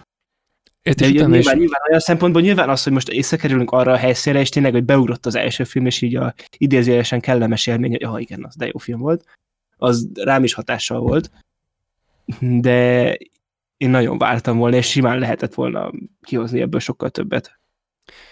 Igen, meg, de ez az egész vége a filmnek, tehát ez az egész végjáték, ahogy van, ez mindenestül szar. Tehát ez, ez ahogy le van menedzselve, hogy mit mi követ, az szar. Tehát a szobának a felkonferálása, szerintem az is szar. Hogy a csávó utánuk jön ide, és itt ilyen random módon kell meghalnia, bár a többi randomság mellett szinte már fel se tűnik, de mindegy, ez is szar. Tehát én ezt a ezért dagadt faszfejet simán elintéztem volna, nem dagadt izmos, bocsánat, nem mindegy, Öm, nagy darab, ja, használjuk inkább ezt a szót, igen. Ezt szerintem uh. simán elintéztem volna azzal, hogy egyszer csak erőt vesz rajta az idegméreg, és kihányja a belét, és kész, mikor mondjuk követi őket, vagy korábban ölik meg, de hogy nem itt a, nem itt a szobában. Tehát miért kell ide ez a kurva jelenet, semmi értelme, másrészt meg azt kellett volna csinálni, most elmondom, hogy hogy kellett volna csinálni, bassza meg, mert, Na. mert, mert én jobban tudom. Reméljük a rendező hallgatja az adást. Tehát mert, és most ezért, ezért nyom egy ilyen, nyom egy ilyen Hollywoodosat, és ja, bocs, töröljük ezt a filmet, ugye? Töröljük. Igen, már nem kánon. Már nem kánon, és na, most leforgatnak egy újat, igen, és akkor ez, igen. Bár igazából nekem ez se segítene, mert nekem akkor az is egy plusz filmként csatlakozna a mitológiához, de mindegy. Öm, na, tehát úgy kellett volna csinálni, hogy a szobát először teljes alakban, és a zenét először, és egy darab alkalommal csak akkor megmutatni és lejátszani, amikor itt már bent van a Matthews. Tehát látni, hogy korábban bejönnek ide az amandáik, bemenekülnek, a csávó valahogy meghal, és akkor vége, vége ennek a résznek. És akkor tér, és visszaváltunk a Matthewsra. És bejön ő is ugyanoda, bevágni ugyanoda, hogy kinyitja az ajtót, ami az előbb az amandáik mögött becsukódott, de nem láttuk, hogy hova mentek be, csak azt láttuk, hogy becsukódott mögöttük a csapóajtó, vagy mi ez a tolóajtó, és jön a Matthews nyomozó, és elmegy, és bemegy, és üres a szoba, és utána bevágni a kádas cuccot, ami volt, egy az egybe. És utána be lehet rakni a flashbackekbe azt a részt, ami bent az amandáikkal játszódott, amiről nem tudjuk, hogy micsoda. Nem láttuk, hogy hogyan vitte el a srácot, ezekről lehetett volna forgatni, például abból a pénzből, amit megspóroltak abból, hogy nem forgattak korábban külső helyszínen. És akkor van mivel feltölteni a flashback részeket. De így nincs, baszki, semmi értelme. Igen, igen amúgy ebben tök igazatok van, hogy, hogy itt abszolút látszott az, hogy inkább a hangulatra mentek el, mint arra, hogy valami igazán hatásos vagy értelmes legyen. Bár a full rám így is hatásolt, mondom a zene miatt, és én nem is gondoltam bele abba a jelenekbe, hogy gyakorlatilag most az előző 70 percet látom montázsolva, tök fölöslegesen, amíg megy az a kurva jó zene. Viszont a nagy twist, az szerintem működött. Kár, hogy így ezek szerint elveszett ebben a mocsában, amit maguknak csináltak. De, de az, hogy felvételről ment az egész, azt szerintem marha jó ötlet az volt. Az kurva jó volt szerintem is. Tehát az... Én szerintem jól volt a reveal, úgymond kivitelezve. Meg jól adagolták ott az információt, csak kicsit túlzásba estek is stílusilag, mint ahogy már a legelső jelenetben is, hogy ez a sok gyorsítás, meg a vágás, meg minden, ami ugye megalapoztak később részeknek is a látványvilágát, meg az első részben is már ott volt, az egy kicsit túlzás volt itt. Meg amúgy tudod, mi a nagyon jó ebben, tehát hogy amik, vagy ebben a, ebben a gondolatban, hogy valami nem akkor van, mint amikor sejtjük, ez, a, ez az asszociatív montázsnak az egyik tündöklésére ad lehetőséget, mint a, mint a bárányok hallgatnakban, amikor megy a izé, egyik detektív ide, a másik detektív oda, és akkor na kimegy, kimegy vajon a gyilkoshoz. És hát persze, hogy a Clarice, de hogy mi nem azt hisszük, elég egész sokáig, vagy persze azt hiszük, mert már sok filmet láttunk sajnos előtte, de hogy a, az a, koribeli néző az nem azt hitte, hogy ki hol fog kiukadni. És itt is, tehát én azért érvelek igazából amellett, hogy, hogy ezt a dolgot igazából lehetett volna még még ennél is jobban használni, sőt, hát igazából ez egy elég gyér felhasználása volt az egésznek szerintem. Maga a twist, az ötlet az nagyon jó, de például lelövik hamar. Tehát már a, mit tudom én, a kommandós egység rájön, hogy jobb az meg amúgy nem is így történt. De ez nem is akkor történt, már rég mindenki halott. Ezt miért kell nekik elmondani? Ezt miért ők mondják el? Miért És nem a reveal pillanat fedi fel? Igen, mert hogy azt hiszem, most mindjárt visszatekerem a filmet, de hogy akkor még nem érkezettek meg a John Kramerék a másik házba talán? Vagy nem, akkor már ott a rendőr ott van, ben van, azt hiszem. Vagy párhuzamosan a kettő, de még az is bőven nem elég Igen. jó, hanem úgy lenne a jó, mint ahogy megcsinálták a ugyanezt, nem ugyanezt, ott nem időben, hanem térben volt az eltolódás, szóval ott egy dimenzióval kevesebbet használtak, de mint ahogy a bárányok hallgatnakban, hogy később derül ki, hogy a nagy erős csapat az rossz helyre ment, és a kis gyenge üzé, Clarice ment a, a, a, a gyilkos markába.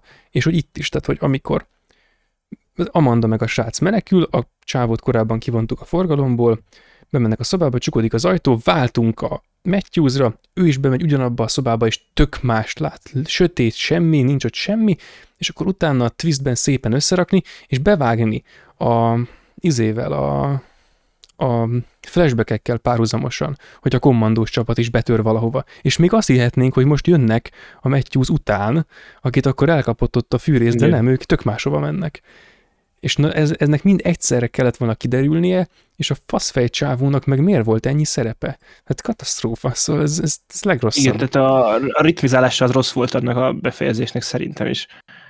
Tehát ott a... Tehát nem, de tényleg az, hogy, tehát, hogy én is, nekem is tökre tetszett, mert én szerintem el is felejtettem, hogy felvételről megy, vagy csak sejt, tehát az volt ez a sejtettem, de hogy ugye, hogy pont nem, annyira tudtam, volt... E- csak nem sejtettem, mint az Oscarban. Igen, nem, nem, nem, nem, én sejtettem, csak hogy pont annyira jó, jó volt elrejtve, hogy nem tudtam megbizonyosodni be róla. Igen, meg annyira akkor akartam, a végén, hogy így legyen. és akkor ott a végén ugye meg a rossz ritmizálás miatt úgymond egy picit tovább, tovább is meghagyhattak volna a homályban. De ugye kiderült, és akkor ugye ott akkor ugye elkapják a, vagy nem elkapják, hanem a, a Amanda elkapja a Mark Wahlbergnek a tesóját, és, akkor, és akkor utána ugye megtudtuk, hogy miért volt a srác egy safe place-ben, Ö, és akkor utána jön ugye a nagy releváció, amikor megkapja a saját kazettáját, hogy ugye, hogy Amanda a tanítvágy. Amit ugye még mindig nem értünk, hogy akkor pontosan, mert, mert a flashbackben tényleg most itt van előttem. Tehát, hogy ugye tényleg csak azt látjuk az első film, meg a második filmből a bevágásokat, és az az egyetlen, amikor mondja, hogy, hogy megvágta magát, és ő mondja, hogy találtam egy, egy apát, egy vezetőt, egy tanárt, és akkor ott a Jigsaw néz ki az ablakon. De ilyenből amúgy kellett volna több. Tehát akkor és a, több, többi tehát, között... E, e, ez kellett, ezzel kellett volna a flashbacket feltölteni ilyenekkel, hogy akkor mi volt. Mert itt, tehát én nem értem, hogy a Amanda akkor mi után, tehát ő, ő túlélte a csapdáját. Annó. A medvecsapdát akkor utána, akkor ő még öngyilkos, megint öngyilkos akart lenni, és a Jigsaw megsajnálta, és nem, akkor... Nem, hogy... Amanda először drogos volt, aztán Igen. lett depressziós, miután megmentette őt a Jigsaw, és egyébként ez, a, ez az ő karakterében megmarad a későbbiekre nézve is, tehát a későbbi filmekben is közöttük De lesz akkor... emiatt dinamika. Igen, és akkor ugye mondja az első részben is, hogy segített nekem, oké. Okay. De hogy a... Tehát ő azelőtt már a tanítványa volt a Jigsawnak, hogy a medvecsapdába került, vagy az után lett az? Nekem az jutott, hogy utána. Nem, nem emlékszem, de szerintem, szerintem a medvecsapda után lett a, a tanítványa, és akkor ez a második, hogy ő másodszor is belekerül a próbába, ez szerintem már az, hogy, hogy e, amikor, hogy ekkor emeli be ebbe az egészbe. Tehát én úgy, úgy emlékszem, és úgy de... értelmezem ezt is, hogy az ő gyógyulási folyamatának szánta azt a... Hogy ide berakta a többiekkel? Nem, hanem, hogy egyrészt szerv, vagy ő, ő is a, a Jigsaw lehet, tehát hogy kiterjeszti rá ezt a, ezt a Jigsaw eszmét, úgymond, hogy beemeli ebbe a tevékenységbe, és akkor plusz ő is részt vesz benne, mert ez a játék része úgy tűnik, hogy az is benne van, aki, vagy legalábbis figyel az első sorból, tehát hogy és minél közelebb tud lenni a színdarabhoz, annál jobb, ugye? Ez, ez így része a játéknak. Na szóval én ezt valahogy így, de majd még a harmadik részehez kell, hogy ezt rendesen Igen, felderítsük. Csak, mert nekem ugye itt az volt, hogy tehát én úgy értelmeztem, hogy az Amanda igazából azért volt benne a játékban, hogy a gyerek igazából életbe maradjon. Ja, nehogy véletlen meghalljon, igen. Aztán nehogy persze... meghalljon, és hogy működjön az egész mesteri terv, mert hogyha ott meghal, igen. akkor ugye nem tud a safe place-be lenni. Hát csak úgy... egy cetli lett volna, tehát, hogy tartozom, mint a Dumb és Dumber. Hülye, aki elolvassa, vagy valamilyen. Hát igen, igen, bár egyébként ez olyan, hogyha esetleg a srác nem éli túl tudod, akkor a detektív Matthews nak más csapdát és más vizit is ki lehetett volna találni, tehát akkor talán nem fedi fel a kilétét, tehát hogy ez csak azért alakult, így gondolom, mert már előzetesen adott volt nekik ez a felvétel, meg a srác a szévben, és akkor emiatt... Igen. Tehát akkor szerintetek a Amanda akkor azért is volt bent a játékban, mert ez neki a tisztulási folyamata volt. És nem csak azért, hogy úgymond ő már annyira a Jigsaw, hogy ugye, hogy idézőjelesen ott mint segéd, ő részt vett a lebonyolításában aktív részevőként. Szerintem ő is a játékmester szerepet töltötte be, ugye a Jigsaw is szeretett ott lenni, test közelből látni az egészet, és szerintem ez is úgymond a, az utódlásának a része, hogy ő is ott van bent a játékban, és őnek is ugyanúgy vannak veszélyek, mint ahogy be is dobták őt a tűverembe. Ugyanúgy lehetett volna az is, hogy valaki az első részben a Jigsaw, ugye, hogy, hogy ott van a test, és mit tudom, lelövik, vagy akármi, tudod. Az igen. is benne lett volna a igen, igen, igen, igen. Mert hogy van egy igen. vágókép, amikor ott megy a montás, hogy ott a Amanda ott áll a sráccal a szobában, ahol az első film játszódott, és így mosolyog. Igen, meg az is van, amikor a, amikor a fűrész itt tervezi a cuccot, és akkor a srácot meg oda lehet leszi mögé valahogy, és akkor utána igen, igen. Mint, mint egy megkönnyebbül. Hát az nyilván az első próba, a srácék próbája után volt, amikor megmenekültek, és akkor ő elhozta a srácot, és akkor a fűrész meg közben tervezett valami harmadik részbeli cuccot, gondolom. És akkor igen, tehát az is az jó rész volt, csak nem, nem volt elég. Igen, és akkor tehát megcsinálták azt, és akkor Amanda utána meg elment, és várta a fürdőkádban, hogy megérkezzen a, a rendőrfelügyelő. Ja, jó ideig várhatott. Igen, igen, hát mi alatt, igen, tehát az alapból úgy volt, hogy a, már magának a fűrésznek is gondolom azért a, hát a John Kramernek is azért a fenekét elülhette, mire a Matthews nyomozó megálmodta, hogy hova kell jönni, hát még az Amanda a kádban. Tehát, ja, de hogy az Amanda kapaszkodott a kádba. Itt ott voltak a szétrohadt hullák, mert valamiért már mindig rohadt. De igen. ott volt egy tök, tök rózsaszín, egészségesnek tűnő kéz, ami kapaszkodik a kád szélébe, és a rendőr az okos rendőr, ki már sok-sok ideje rendőr, ne, nem jött rá, hogy az egy élő ember. Hát, hát de azt, azt hitte, hogy a fia. fia. Igen, azt hitte, hogy a fia.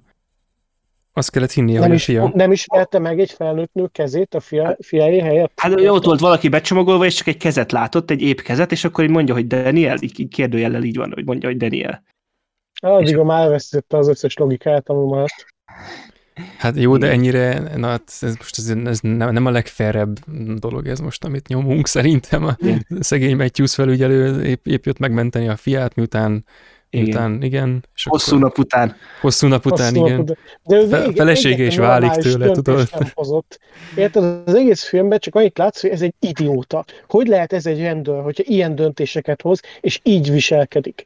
Igen, hát pont ez És egyébként ez a, ez a karakterének a része. Igen, de olyan szempontból, tehát az valid, hogy ezért volt része a játék, ezért vett részt a saját játékában, mert egy ilyen ember volt. Igen, De- de amúgy meg lett volna az esélye, hogy ne történjen ez meg vele, hogyha türelmes. Hát persze, tehát ez a lényege, ugye, hogy a Jigsaw elmondta az elején a szabályokat, hogy két órán át hallgatnod kell, hogy beszélek, és akkor utána a fiad egy szép részbe van, és megtalálod. Tehát ezt mondta neki.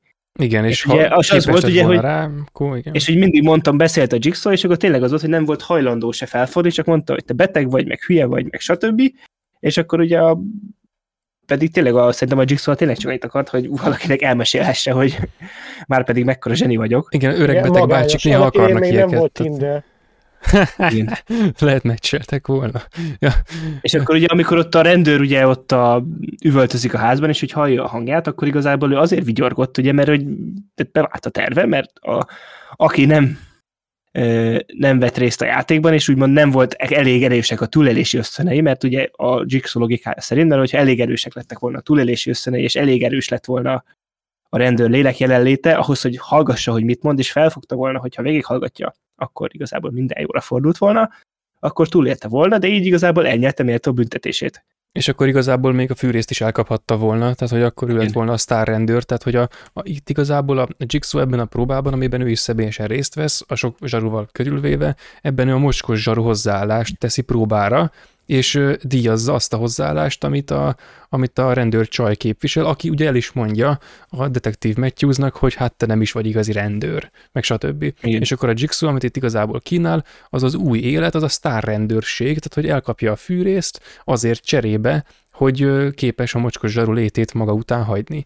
És akkor ugye a fűrész azt mondja is, hogy, hogy na, mikor már szétverte, mármint, hogy őt, akkor mondja neki, hogy na ez az a Matthews nyomozó, akit előléptettek. Mint hogyha csak a izét látnám, a Mocskos Zsaru New Orleans utcái című filmet, ahol, ami azzal kezdődik, hogy a, a rendkívül köcsög Nicolas Cage-et előléptetik, és azzal zsá- zárul, hogy a rendkívül köcsög Nicolas Cage-et előléptetik. Tehát, hogy a, itt ugyanaz a típusú karakter a folyamatosan előléptetendő, vagy hát a, a, a rosszul működő rendszernek a rosszul működő fogaskereke, az folyamatosan egyre feljebb kúszik a ranglétrán. Itt most ugye éppen ez egy romlás történet, és nem pedig egy ilyen karrier emelkedés történet. Tehát, hogy a, a, a verekedő zsaruból most az asztal mögött ülő akta kukaccá változott, és még úgy is érzi, hogy neki ott kell lennie. Tehát, hogy ez az ilyen bepunyadt szar, be akarják emelni a fűrésznyomozásba, de nincs kedve hozzá. A fűrész nyilván tudja is, hogy ehhez nyilván nincs, nincs neki ehhez már affinitás, egy ilyen, egy ilyen kiégett, de cserébe romlott és rossz indulatú fos, és ezért belekényszeríti azzal, hogy egyrészt a fiat elrabolja, másrészt meg, hogy odaírja a nevét, hogy amúgy hello, téged akar. Én igazából csak annak adtam hangot, hogy mennyire rohadtó frusztrált engem, hogy ennyire antipatikus és ostoba volt ez a karakter. Persze, egyetértek, tehát ez elképesztően primitív ez a csávó, de, de végtelenül, de tényleg. De egy, még a morzsa, igazából nem kívántam neki jó. Igen. Igen, egyébként és a, és lehet így- egyébként. Azt Nem mondja, mondja, miért ilyen bajom? És, így, szerint, és ugye lehet ebbe az volt a tudatosság valamilyen szinten, hogy tényleg rájátszottak teljes mértékben, hogy akkor hogy tényleg a, tehát jobb hián mindenki a Jigsaw-val szimpatizáljon, mint egyetlen olyan karakterrel, csak ugye itt az a probléma, hogy itt az a, az a karakter, tehát a John Kramer karakter, az a saját jogán olyan lett volna, hogyha itt egy olyan karaktert ö, rel állítják szembe, aki hajlamos a morálra, vagy haj- hajlamos a változásra, és hajlamos, mondjuk tényleg mondjuk ha a Gordon karakterének a mm, összetettsége lett volna itt a rendőr karakterében, akkor is meg lett volna a John Kramernek az összetettsége, mert azt ki volt dolgozva, jól fel volt építve, és össze volt rakva. Itt nem igényelte azt, hogy ennyire antipatikus legyen mindenki körülötte, hogy ez működjön. Hát igen, igen, szerintem is. Egyébként ez tipik olyan, hogy ha az ember szorít, akkor van oka szorítani. És akkor ebből lehet következtetni, hogy mi lesz a vége az adott karakter történetének. Mert ott is a, Dr. Gordonnak valamennyire szorítottunk, az Eden volt a kis pióca geci, és hát ő úgy is járt. És akkor igazából ennyi. Tehát itt meg a detektív Matthews, ez így szinte, ez az ilyen a fűrész lehetetlen küldetése. Tehát, hogy ezt a karaktert megtéríteni, ez képtelenség, ez a, a lehetetlen vállalkozás. Nem hiába úgy tűnik ezt adta vizsgafeladatnak a, az Amandának, tehát ez, a, ez erre nem lehet így hatni erre, erre a csávóra. Tehát ezen tényleg csak az lesz, hogy a bosszúként tűnik fel a fűrész próba most egy kicsit elgondolkodhatott engem, hogy ugye az első részben talán még beszéltünk is arról, hogy, hogy igazából horrorfilm meg brutális, meg ilyesmi, de van benne lélek. Legalábbis ahogy, ahogy nézed, így érzel kötődés így a film iránt. Itt a második résznél meg nem. Nem mondom, hogy ez egy rossz folytatás, mert szerintem egyáltalán nem, nem mondanám rossznak a, a összességében. Ugye mondom, az első 70 percben csak fogtam a fejem, hogy sok idióta karakter, sok öncélú erőszak, meg ilyesmi, de maga John Kramer jó volt benne. Viszont tényleg, hogy hogy nem volt ebben a második részben lélek. És valószínűleg pont ez, amit eddig beszéltünk az utóbbi nagyjából 20 percben, hogy mennyire nem volt szimpatikus benne senki, és igazából az egyetlen karakter, akihez valamilyen tud, szinten tudták kötődni, az maga a gonosz, a az úgynevezett gyilkos, a Jigsaw. És mennyire fel, hogy ebbe az ilyenbe vitték el, hogy nem volt benne lélekcsébe, úgy alapoztak meg valamit, hogy, hogy tényleg nem volt meg ez az emberi mi volt benne. És hát ugye ez, ahogy haladunk előre a mitológiában, ez csak inkább így lesz, mint kevésbé így, tehát hogy így ebbe így belegondoljak kicsit mélyebben. És de egyébként én ezt valamennyire üdvözlöm. És egyébként ez, hogy, hogy mennyire van lélek egy filmben, ezt én most kettészedném, tehát hogy, hogy a, amit szerintem te ez alatt értesz, az az, hogy mennyire kötődünk karakterekhez, mennyire van azoknak drámája, viszont hogy mennyire van egy filmnek úgymond lelke, tehát hogy mennyire van benne egy olyan mozgató mag, vagy központi erő, ami mozgásba hozza a különféle formákat benne, az szerintem, annak szerintem már annyi is elég, hogyha utálatot érzünk egyes karakterek iránt. Tehát, hogy itt is, itt nem volt lélek abban az értelemben, hogy kötődtem volna valakihez így lelkileg, mint hogy magamat látom benne, vagy valami ilyesmi, vagy átérzem a problémáját, hanem itt az van, hogy utálom a köcsögöket, mert köcsögök baszki. És egyébként a gyerek is egy kis hülye gyerek volt belegondolva. Egyedül az Amandával valamelyes, de ugye vágott, hogy akkor is gonosz lett, tehát ez a film egyértelműen a gonosz irányba tolja a szimpátiát, akiknek az ideológia ráadásul ilyen elképesztően romlott. Most igazából kettő dolgot mondtál, hogy ugye kétfajta külön lélek. Én az elsőre gondoltam, hogy te is mondtad, viszont a másodikat én nem lélekként fognám meg, hanem hatásvadászatként. Ez, hát, és ez a film, ez kurvára hatásvadász minden szempontból, és hogyha még lett volna benne az, ami az első részben megvolt, annak is voltak hatásvadász pillanatai természetesen, de hogyha benne lett volna ez a kötődésre való alkalmasság a karakterek által, akkor szerintem nem csak azt mondjuk, hogy ez a folytatás mondjuk oké, okay, vagy jó, vagy bármi, hanem azt mondtuk volna talán egy ilyen végső csavar mellett, hogy majdnem olyan jó, mint az első rész, ami egy hatalmas dicséret lett volna. Igen, igen, igen. Ez egyébként különben egyetértek teljes, teljes mértékben, csak én mondjuk ö, most egy nagyon fura példa jutott eszembe, még valamikor sokkal ezelőtt egy nem a, nem a nagy elemzőben, hanem egy három filmesben beszéltünk az Indiana Jones 4-ről, és akkor ott ilyen egész fura, ilyen kontextuális megközelítésből akartam mentegetni ezt a filmet, és ott az volt az érvem, hogy annak a filmnek az volt a szerepe, hogy átmenekítse sok év távlatából átmenekítse a Jones sztorit a mai korba, hogy hogy át, átportálja a cuccot anélkül, hogy az, az megsérülne, átszállítsa a tengeren, anélkül, hogy összetörne a, a Jones ö, ö, értékű lelet.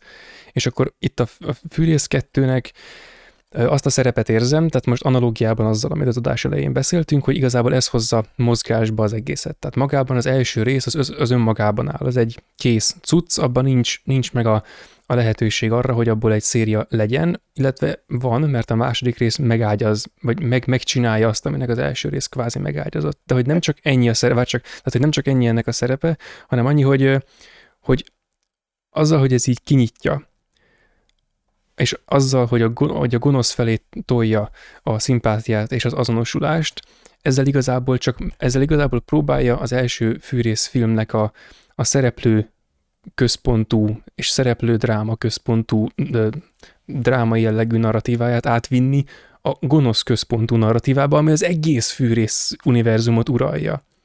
És hogy ez, ez a szerepe ennek a filmnek igazából. Persze ez nem úgy készül el, mint egy nagy, gigantikus terv része, bár amúgy a következőt, meg az azután következő részt is ez a rendező csinálta, szóval talán igen, viszont hát nem, nem végzi túl jól a munkáját ez a film nyilván, viszont elég látványosan csinálja. Tehát a szereplők minimalizálódnak, minőségből átmennek mennyiségbe, többen lesznek, de szarabbak, a gonosz pedig előtérbe kerül, és megkapja a, a kellő játékidőt, és stb. stb. Most nem sorolom, amit eddig is mondtunk, de hogy és innentől kezdve ez, ez a szériának a vérjegye, tehát hogy nem csak a film végi átkontextualizálás, hanem ez a gonosz központú ö, filmszéria. És ez, ez a rész, ez igazából ezért felelős, aztán a későbbiek majd elmélyítik. A mondjuk ilyen szempontból megértem, amit mondasz abszolút, és lehet, hogy tényleg pontosan ugyanez volt a készítők célja is, hogy igazából adjanak egy olyan fajta mozgatórugót, amit az elsőnek, első résznek a vége sejtetett, és, és ugyan, hogy is mondjam, megágyazottam úgy az első rész annak, hogy legyen folytatás, de úgy, hogy ne legyen érzés benned, hogy szükséges folytatás. És ez, ez volt az egyik zseniális pontja ugye ennek, hogy, hogy igazából, ha csak egy főrészfilm készül, akkor se érzed azt, hogy, hogy bármiféle hiány lenne. De viszont ilyen szempontból jó, hogy a második rész az olyan izgalmas irányba vitte el az egész szériát, ez a gonosz központúsága, ahogy te is mondtad, amit nem biztos, hogy láttunk így ilyen modern horrorokban. Hát egyébként most belegondolva a, a mondjuk a texasi az is olyan, hogy a, ott a második részben már annyi lesz a mitológia, hogy már szinte sok. Tehát a, ott is a, bár amúgy bele, tehát tényleg nem tudnék túl sok példát felhozni arra, ahol a, ahol a, a, a jó a, a, a jó szereplőkön, a jó oldalon, a, úgymond a jónak kikiáltott ideológián ennyire durván élősködne, és annak a, a játékterét ennyire durván eluralna a gonosz, és hogy ennyire a gonosz lenne a fontos. Igen, hát azoknál mindig ott van ellenpólusként a Final Girl. Itt ezeknél meg nincs, ugye? Most megnéztük a második részben, itt nem volt ellenpólus. Igen, bár az is érdekes, hogy a, mondjuk ez már messzire vissza nem is igazán ide kapcsolódik, de hogy ilyen értelemben a, a Final Girl az nem csak ellenpólus, hanem ilyen, ilyen fétis tárgy is azoknál a filmeknél, és akkor most csak ezt a szót megfogva, hogy fétis, hogy a fűrész filmeknek mi, mi lehet a fétise, hát itt igazából az a, meg amúgy nem minden slasherben van Final Girl, az csak egy ilyen szűk, de hangos, a feministák miatt hangos ö, elméleti közegnek a mániája ez a Final Girl egyébként, meg hát nyilván népszerű, csak hogy slasher filmeknek a, szerintem a kisebbségében van, és hogy itt nincs, ugye bár az nem, ebből a szempontból nem jelent semmit, de senki sem mondta, szóval ezt most csak úgy ide befögtem. De visszatérve arra, tehát, hogy ez a, itt érkezünk meg a, a torture porn kifejezéshez, tehát ez a, a kínzás fetisizáló horror, ami, ami teljesen, teljesen elabstrahálja a főgonosznak a szerepét, nem csak elarctalanítja, ahogy mondjuk mások tették, más hasonló módon dolgozó szériák, hanem teljesen egy eszmévé alakítja. És az emberek, akik véghez viszik a, először a John Kramer, aztán az Amanda, sokat többit nem mondom, mert az nagyon nagy spoiler lenne, azok igazából ilyen kellékek, maguk is kellékek, és itt az elején még a John Kramer, az azonosulási pont a gonosz oldalon, de később majd ő is elkezd halványodni, és ez az anatómia, ami megnyilatkozik ebben az egész fűrész izében, ezért szeretem nagyon különben, mert az elején még az első részben vannak a főszereplők azonosulni, aztán a második részben még itt van a gonosz, de az idő után már ez is elkezd majd halványulni, és elkezd önállósulni az embereket aprító cucc. Ezt nem úgy kell gondolni, hogy egy hatalmas gép fogja ölni az embereket, aminek nincs lelke, nyilván nem, csak hogy elkezd az eszme akkora lenni, hogy szinte már nincs is szüksége emberre, aki művelje, meg aki elszenvedje. Na mindegy, ez nagyon érdekes, majd a későbbi részeknek lesz a, a, a témája.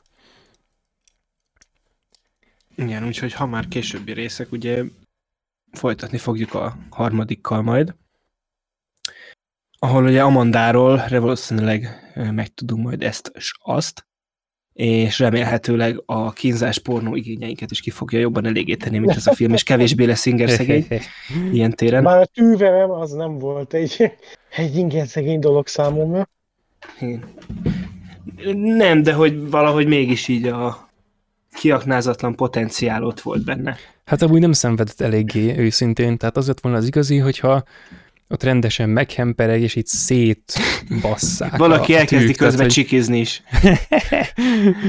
igen, igen, igen. Hú, különben nagyon érdekes volt ezt a verkfilmet nézni, ahol elmondták, hogy hát először vettek 20 ezer darab ö, micsodát, injekciós tűt, de nem volt elég. Oké, vettek még 40-et. Na, az sem volt elég. Oké, és akkor végül ilyen 120 ezer környékén elég lett, és így, és így magyarázták, hogy konkrétan ilyen egész napos munkák voltak, hogy a, a tényleg ilyen bőrfelsértésre alkalmas tűket kiszedegették, és a kevésbé bántóakat bepakolgatták a helyükre, meg hogy az Amandának azt, a, amikor húzkodják ki belőle a cuccokat a kezéből, azt hogy, hogy rakták össze, hogy az egy ilyen gumicuc, meg hogy amikor ténylegesen a színésznőnek a testét lehet rárakni, ez is milyen érdekes, szóval igazából nem hibáztatom őket, amiatt, hogy nem valósították meg ezt a, amit az imént felvázoltam, de... Igen. Úgy voltak, mint a Batman kezdődik be, amikor hogy a, kész vannak a Batman fülek, és akkor jó, mennyit rendeljünk? Hát egy tízezret. Igen, úgyhogy ez lett volna a fűrész kettő kibeszélünk és akkor ugye körülbelül egy hónap múlva, márciusban folytatjuk a Fűrész 3-mal, és szépen lassan menetelünk át az egész szérián, és közeledünk a ősz-október környékére bejelentett új fűrészfilmhez, amiben Tobin Bell ismét visszatér, ami majd ennek az egész széria elemzésnek a korona égköve lesz. És addig pedig majd jelentkezünk ismét sok-sok új adással. úgyhogy, ja, úgyhogy a Gergőjéknek ugye egyébként a közelmúltban, aki még horrort akarna hallgatni, ugye volt a Gáborral egy Evil Dead trilógia kibeszélőjük. És a jövőben most még azért kicsit kisebb lesz a lendület, mint a, azt a elmúlt x évben megszokhattátok, de a Filmnéző Podcast itt van, és nem megy sehova, és mindig jelentkezni fogunk újabb és újabb adásokkal. Úgyhogy ja, és majd azért az is terve van, hogy nem egyből, de hogy a három filmeset majd újra fogjuk éleszteni. Igen, van lehet, egy három filmes egy, adás, ami... Igen, lehet, hogy évi egy tempóval, de lesz majd három filmes az, ott, az ott készül, jó? Tehát az, az éppen percen, egy, egy hónapban felveszünk egy percet belőle, és így rakjuk össze az adást. Avatás kettő sem egy év alatt készült, tehát... Hát igen, igen. igen, és hasonló a kaliber és a színvonal. Szerintem is, ugye? Ezen szerintem is. Igen. Úgyhogy köszönjük szépen mindenkinek a figyelmünket.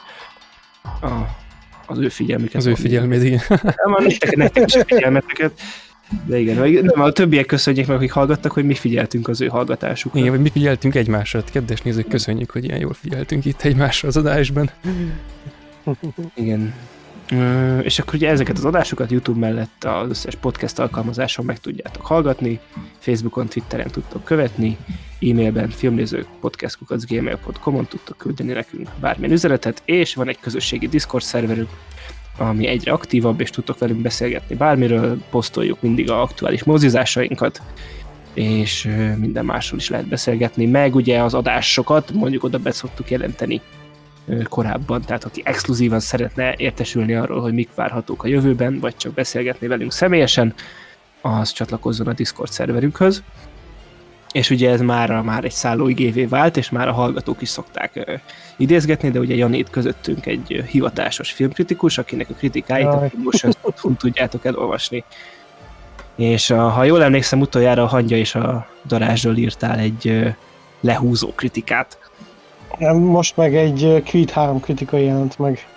Na, az is úgy, hogy igen, mert ott egy, igen. De az a film csak jövő héten jelenik meg, ugye? Igen, Magyarországon azt hiszem csak jövő héten, meg talán nemzetközileg is, de már uh, volt sajtóvetítés, és hamar ki lehetett rakni a kritikát, úgyhogy hisz benne a stúdió nagyon. Igen. Én Erre van, van oka? Csak spoiler a írásod. Van oka hinni ebben a stúdiónak? Szó-szó. Hát, hál' Imhotepnek. Hál' Imhotepnek. Jó, úgyhogy köszönjük szépen a figyelmet, Filmnéző Podcast voltunk, itt volt Jani. Köszönjük a figyelmet, sziasztok! Gergő. Sziasztok! És én Lehel. Sziasztok!